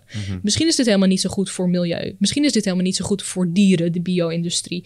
En vervolgens ook helemaal niet zo goed voor ons. Want wij zijn allemaal afhankelijk van elkaar. Het is een heel ecosysteem waar je mee aan het kutten bent. Niet alleen met, je, eh, met de natuur losstaand of zo. Ja. En dat, nou ja, goed.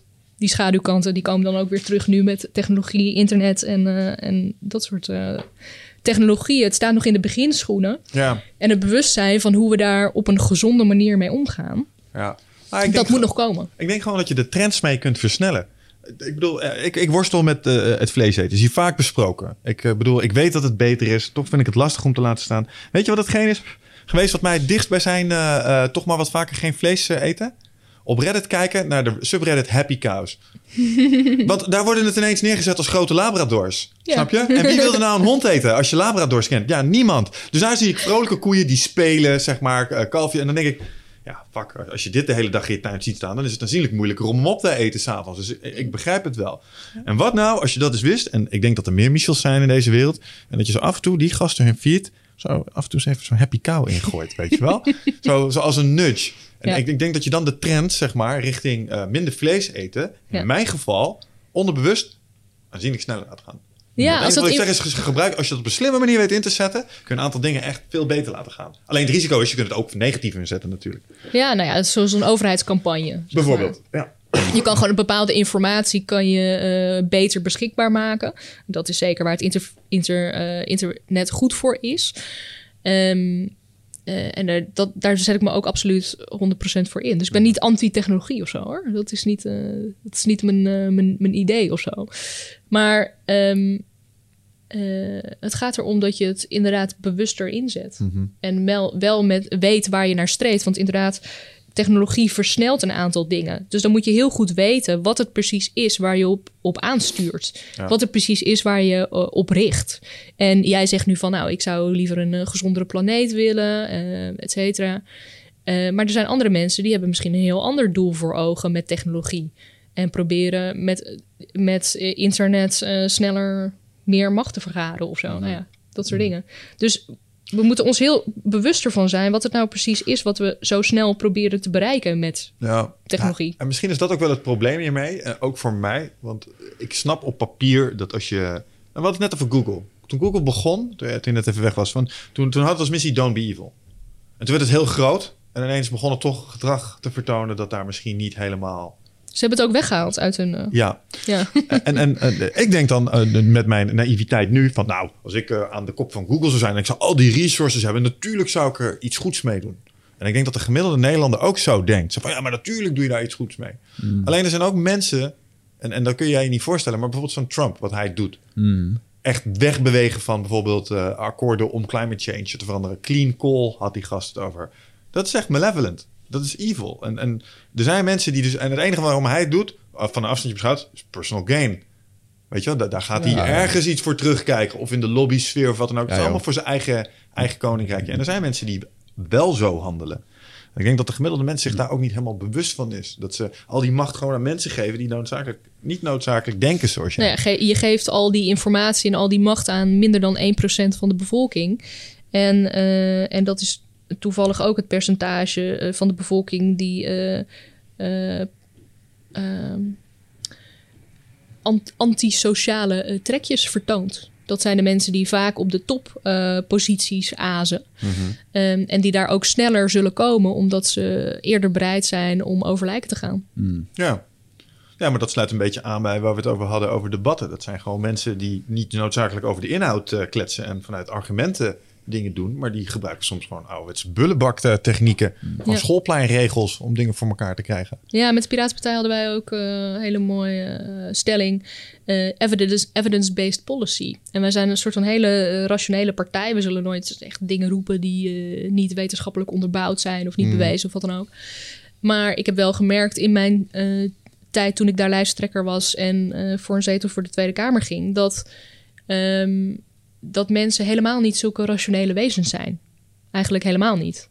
Ehm, en dat is best wel lastig af en toe als je het hebt over, eh, over feiten en hoe krijg je eh, feiten nou eh, ja, beter belicht of, of het belang ervan eh, dat het bewustzijn groeit onder, in de maatschappij. En zelfs in de Nederlandse politiek. Want ik kan me, zeg maar, als ik de British Common House kijk, dat zie ik altijd heel emotioneel eraan toe gaan. Dat wordt lekker op de man gespeeld. En in Amerika kunnen ze er ook wel iets van. En dan kijk ik naar ons Tweede Kamer. Nou, dat zat toch allemaal iets. En ik zie de grappige stukjes ook wel eens voorbij komen op geen stijl en dat soort dingen. Ja. Maar je zou toch verwachten dat het met die nuchtere Nederlandse mentaliteit allemaal iets minder ego-management zou zijn als je zou verwachten. Maar dat is dus niet zo. Nou, we gaan daar anders mee om. Hmm. Ehm, en dan bedoel ik ook niet zozeer zelfs de politici die daar zitten, maar eerder van hoe breng je je boodschap over aan een groot publiek. En je ziet bijvoorbeeld ook bij Trump dat hij, eh, als je hem eh, in interviews vroeger hoorde, eh, was best wel een welbespraakte man.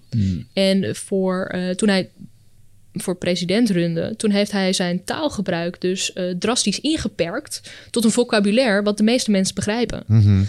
En eh, dat bedoel ik een beetje. En ook hele, hij, je ziet dat hij hele emotioneel beladen woorden eh, kiest. Die eh, heel erg erop doelen om iets emotioneels bij mensen te triggeren. Vandaar ook die wall, big beautiful wall, weet je wel. Je ziet het meteen voor je en je hebt er meteen een gevoel bij. Ja, een en, NLP'tje waar je bij zit. en, of, en of die wall nou realistisch is of niet, dat maakt niet zo heel veel uit. Hmm. Want dat is een detail. Maar ehm, dat gaat dus een beetje meer over eh, communicatie voor, voor grote eh, mensengroepen. En hoe je dus hele rationele, feitelijke dingen ehm, eh, toch ehm, ja, aan de man kunt brengen of zo. Of toch het belang daarvan eh, kunt laten doordringen. Zonder dat dat zeker met dit soort onderwerpen, digitale rechten en zo, het is zo abstract. Je kan er niet een big beautiful wall van maken of zo, weet je wel? je kan, het is heel moeilijk om, je- om je er iets visueels bij voor te Je stellen. hebt kennis nodig. Ja, Ja, je moet wel inleven. ja. Toen ik in Amerika was, ben ik altijd, vind ik altijd leuk om dan te praten over Trump en over wat mensen ervan vinden. En dan kom je er wel achter. Je bent gewoon in Amerika. Mensen reizen niet echt over het algemeen niet over de grenzen. Het is gewoon hun wereld. Het is of Hillary of het is Trump. Weet je? En Hillary, Hillary waren het ook helemaal klaar mee met het, met het hele wat heel de familie deed. En ja, dan is Trump toch echt een soort van eh, he's gonna make a change. Maar mensen dan- stemmen elke keer op change. Want Obama ging ook alleen maar over change.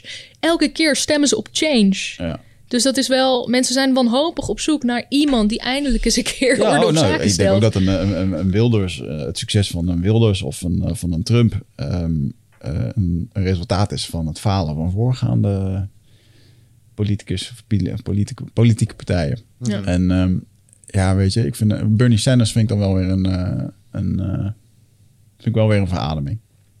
Ja, helaas heeft hij het niet gered. Dus, eh, Ah, ik las van de week iets dat hij juist voor het eh, presidentschap ging. Dat heeft hij niet. eh, voor het volgende presidentschap? ja, dat las ik van de week. Nee man, dat wordt Kanye West. 100%. Nee, ik eh, las iets voorbij komen dat hij daarvoor eh, ging, ja. Ja. Oké. Ja, nou, je lacht, maar ik geloof dat hij er oprecht over na heeft gedacht. ja, kan jij 2020? Ja, Kanye 2020. Ik ben benieuwd. Ik hoop, dat zou echt... Ik, eh, eh, ik, ik, ik bestel nog niet een oké. Eventjes, ik heb iets gemist volgens mij. Want Je weet wie Kanye West is? Ja, zeker, De rapper. ja, ja, ja, ja. Die heeft ooit een keer gezegd... als ik me verkiesbaar stel, dan word ik gewoon dan word ik verkozen. Ah. Met mijn fans, zeg Ja, maar. En hij ja. is nu een beetje met Trump uh, body buddy. Hij heeft laatst in het Witte Huis gezeten. Heeft hij eh, een of andere achterlijke rant gehouden. Oké. Ja, dat is eh, ook viral gegaan. Oh ja. Ja. En ik hou me hard vast wat er zou gebeuren als hij het echt zou doen. ja, ja. ik heb daar geen goede hoop op. Nee. nee, maar ja, goed. Ik denk ook dat. Grote... Hij zat ook achter die movement, eh, Blacksit. Blacksit? Oh, dat weet ik niet. Blacksit, ja. Van eh, zwarte Amerikanen die de Democratische Partij verlaten. Hmm. En ehm, eh, dat, dat, het is een hele movement nu in Amerika... waar je eigenlijk bijna in Nederland helemaal niks over hoort. Maar ehm, het idee daarvan, er wordt ook wel eens gezegd... eh, dat, ze, dat ze de plantage verlaten. De democratische plantage. Oh, wauw. Ja, heel heftig. Oh, het loopt heel eh, hoog op. Eh, omdat de theorie gaat dat, dat de democraten zo op de black vote kunnen rekenen... Mhm. dat ze niet meer hun best ervoor hoeven te doen. Oh, zo. Dus ja. ze, ze strijden helemaal niet voor eh, rechten van, eh, van whatever, eh, gekleurde mensen, zwarte mensen Nee. daar, Ja. African Americans, omdat ze toch wel weten dat ze die stem krijgen. Want ze gaan zeker geen republikein stemmen. Nou, nu is er dus een hele movement van zwarte Amerikanen die zegt: wij gaan eh, met z'n allen stappen wij uit de Democratische Partij om in ieder geval te laten voelen. Dat als ze niet voor ons opkomen, dan lopen we net zo goed over naar de Republikein. Ja, ja, ja, ja, ja. ja. Ja. Nou, dus Kanye 2020, het is nog helemaal niet zo ver gegeven. Maar het is niet onmogelijk in deze wereld. En Brazilië heeft er nu ook een beetje flink huis gehouden. Die nieuwe president die daar gaat komen. Ja. Die wil ook dat, dat hele bos opengooien voor alle mineralen, grondstoffen, delven van, eh, Oh, van stoffen. Vreemde ontwikkelingen. En, eh, en daar is het heel erg. eh, eh, in Brazilië heeft bijna niemand in verhouding internet. Het gaat allemaal via eh, telefoontjes. Mhm. Daar, ik weet nog dat ik daar toen was. En ehm, toen had iedereen daar. eh, Hier hadden we toen net volgens mij Tinder. En daar had je een mobiele app die begon te trillen als iemand in de buurt was die eenzelfde soort profiel had. Dat, Oh, was, dat was nog. daar de, de lokale ding. En, eh, eh, maar dat, dat heeft me altijd wel gefascineerd. Dat eh, WhatsApp is natuurlijk best wel een afgesloten omgeving. Dus nu heel, deze, heel dit presidentschap is helemaal gemanipuleerd met allerlei fake news en, en afbeeldingen die worden gemaakt. En die worden door die groepen heen gestuurd. En Mhm. het is echt best wel een... WhatsApp is wat dat betreft misschien nog wel minder transparant dan een, dan een Facebook. Ja, omdat het allemaal in kleine subgroepjes gebeurt. Ja. Ja hoor. Ja. Ja, jij zit ook nu, nou jij iets minder, maar ik weet dat de gemiddelde Nederlander die zit in een aantal WhatsApp-groepjes die allemaal een eigen cultuurtje hebben. Ja, Eh, een eigen politieke lading, of juist eh, Ja. zeg maar eh, anarchistische lading in mijn geval dan. Maar ehm, ja, nee, eens. Ja. En, en daar komt ook zeer eh, politiek incorrect materiaal eh, voorbij zo af en toe. Ja. Zeker. ja en als je Maar dan... eh, WhatsApp is ook van Facebook, dus die brengen dat perfect in kaart allemaal. Instagram is ook wel. van Facebook. ja, ja, ja, ja, daar zit wel inderdaad know. En zij zien echt wel, weet je, de, de inhoud van de berichten is encrypted. Maar als jij een linkje stuurt en iemand klikt daarop, dan zien ze dat al wel. En ze zien natuurlijk ook gewoon wie er met elkaar in zo'n groepje zit. Op basis daarvan kunnen ze al wel raden wat de inhoud van die, gro- want die, van die gro- gro- groepsgesprekken zijn. Heb jij Ja, dat- daar heb ik me altijd over verbaasd. Hoe, hoe, dus hoe, eh, het verschil tussen wat en dat informatie en hoeveel ze al kunnen met dat. Het feit dat we met z'n allen in een kamer zetten is ook informatie. Ja, metadata. Ja. Ja, Ja. ja, en daar kunnen ze stiekem best veel mee. Nou, dat zegt bijna meer over je dan de inhoud. Want de inhoud zonder context zegt helemaal niks. Zeg maar afhankelijk, eh, als ik nu deze zin tegen jou uitspreek, afhankelijk van de context van die zin, betekent dat iets heel anders. Ja. Terwijl metadata is die context. En Ja. daaruit kan je veel meer informatie halen dan exacte eh, gespreksinformatie of zo. Heb jij die film The Circle gezien? Ja, ja, ik heb het boek gereviewd toen voor eh, een van de site. Oké. Wat Gaat is je-? Nou, dat is een film waarbij een soort Facebook wordt eh, verfilmd. Eh, die gaan dan heel erg op video zitten dat alles re- real life is. Want dat gaat het uiteindelijk natuurlijk. Dus het nu al een beetje aan het worden. En dat dat je, is Twitch. straks is het een beetje het idee dat iemand echt gewoon eh 24 uur per dag eh, helemaal transparant is met wat hij doet. Dit bestaat, hè? En, eh, nee, maar, en dat er ook dus eh, mensen zijn die voor die transparantie zijn. En dat er ook politicus zijn die dan op een gegeven moment zeggen... nou weet je, alles bij mij is transparant. Mensen kunnen gewoon in mijn mail meelezen. ehm, dus dan is er dus ook geen geheim. En een beetje met het...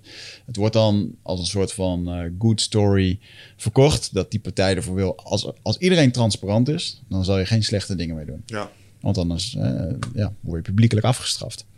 Ehm, en wat vond je van dat eh, concept? Ehm, ja, ik heb die film niet gezien. Dus ik heb wel het boek gelezen. Ehm, ja, transparantie is, eh, is... Want nu heb je het wel weer over eh, individuen eigenlijk, over personen. En privacy is voor een persoon. En transparantie is voor, eh, voor instituten of voor, voor een overheid. En dat is een beetje va- vaak het verschil... eh, wat in dit soort dingen niet goed belicht wordt... of wat mensen niet geheel begrijpen. Ja. Ja, wat ik dan wat ze daar als voorbeeld namen, was dat er een meisje op een gegeven moment een beetje een, eh, een, een rotdag heeft of zo. En die, die ging altijd graag kajakken in die film. En op een gegeven moment dan is het eigenlijk dat kajakverhuurbedrijf, dat is eh, gesloten. En ze besluit toch om gewoon zo'n kajak te pakken en dan te gaan. En vervolgens krijgt ze daar een ongeluk mee. Dus dat wordt dan een soort van eh, public statement van eh, oké, je hebt dit nu gedaan. En de hele wereld heeft mee kunnen kijken hoe, hoe dat dit is gegaan. Of nee, dat is dan nog net niet het verhaal. Ze heeft dat gedaan, ze heeft er spijt van. En dan zeggen ze, stel nou dat je continu gemonitord was. Had je dit dan ook gedaan? En dan was het antwoord nee geweest. Nee.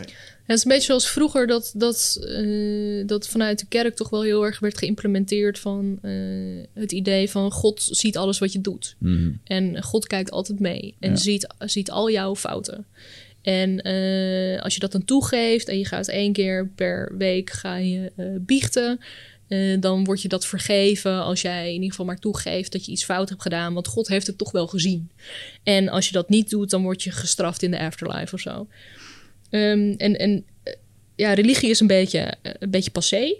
Daar doen we niet meer aan.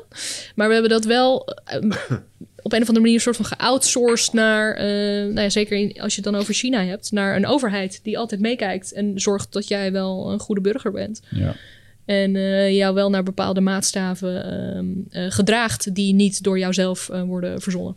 Ja, eh, ik denk dat daarin, zo wat ze daarin ook wel creëerden, was echt wel gewoon een absolute controle, weet je wel? Gewoon absolute macht. En eh, volgens mij is dat ook een gezegde, toch? Dat absolute power creates absolute... Absolute power crops, absolutely. Ja, Ja, dat is het, ja. Dus niemand kan daar tegen. Niemand. Nou, zelfs de grootste Messias gaat uiteindelijk zichzelf kleine privileges toe-eigenen. Die niet helemaal voor hem zijn. Ja, Maar dat is, ja, en dat werkt zo. Nou, en het idee is dat, dat je dan geen verandering meer kan teweegbrengen, omdat de status quo zo machtig is dat hij er alles aan zal doen om zijn eigen macht te beschermen. Mhm. Ehm, en, en dat is iets wat je op het spel zet op het moment dat je echt een vijftal partijen zoveel macht geeft dat zij bijna niet meer. ehm, dat zij onaantastbaar worden. Ook omdat zij, dat doet bijvoorbeeld Uber al. En de- Facebook trouwens ook. Mensen die, ehm, of journalisten die kritiek hebben op die diensten, die worden gewoon preventief onderuit gehaald. ja. ja. Waar gaat het heen? Hebben we een positief toekomstbeeld? hebben we- hebben we- Ja. hebben we een positief einde, want we lopen bijna tegen de twee uur eh, aan, volgens mij. En eh, ja, waar gaat het naartoe? Nou, ik ben, ik ben er heel veel mee bezig. Ik geloof wel degelijk van waar, waar je op focust, dat dat groeit. Dus de vraag is vooral, wat willen we wel? En eh, nou, ik heb het geluk dat ik voor een, een bedrijf werk, startpage.com, privacyvriendelijke zoekmachine, waarvan ik echt denk van, nou ja, dat is gewoon een gezond alternatief waar ik gewoon volledig achter kan staan. Het feit dat het alternatief er al is, eh, kan al heel erg veel verandering teweeg brengen, omdat niet alleen op het gebied van, van zoekmachines, ehm, maar op allerlei gratis software die wij gebruiken. eh, houden we er nu geen rekening mee dat al die data van ons vergaard wordt en op een dag misschien tegen ons gebruikt wordt. Eh, of in ieder geval voor iemand anders zijn benefit gebruikt wordt. Eh, maar op het moment dat dat het nieuwe normaal wordt, de nieuwe norm, dan, ehm, dan zijn we al een heel stap verder dan dat we nu zijn. Oké, mooi. We keep fighting the good fight, eh, hoor ik. Ja. eh, ja, het blijft, een, eh, het blijft troebel water. Ehm, vooral, nogmaals, we hebben, we hebben het gehad over de voordelen van al deze technologie. Maar er zitten ook zeker een paar scherpe randjes aan. En ik ben blij dat eh, mensen als jij zich eh, daarmee bezighouden. Eh, want dan hoef ik het niet te doen. Maar ik geloof wel dat het Nou, super jij bent belangrijk is. ondernemer. Ik, mijn hoop is een beetje gevecht- gevestigd op de ondernemers eh, van Nederland, van Europa. Mhm. dat, die moeten het uiteindelijk gaan doen. Want de overheid is een groot log instituut. En burgers zelf, die, daar zit het besef inmiddels eh, is gekomen. Maar zitten toch nog een beetje zonder tools. Dus nu is de volgende stap eh, toch aan, aan de ondernemers, aan bedrijven... om mooie alternatieven te gaan bouwen... die een tegenwicht bieden tegen de Silicon Valley-reuzen. En stel je bent een podcastluisteraar en je bent eh, gemotiveerd geraakt of geïnspireerd en je wil hier iets mee. Waar ben je dan te vinden? Of wat is iets waar ze eens een keer een kijkje zouden kunnen nemen? Nou, contacteer me vooral om ideeën uit te wisselen eh, op Twitter of uh, ancilla.nl. En ehm, ja, nou, dat lijkt me eigenlijk wel leuk. Oké, cool. Bij deze luisteraars, ehm, reach out en eh, er zal geantwoord worden, hoor ik hierbij. Dus, eh, en eh, nou, dat was wij. Tot de volgende keer. Tot de volgende keer. Dankjewel. Joe. Ciao.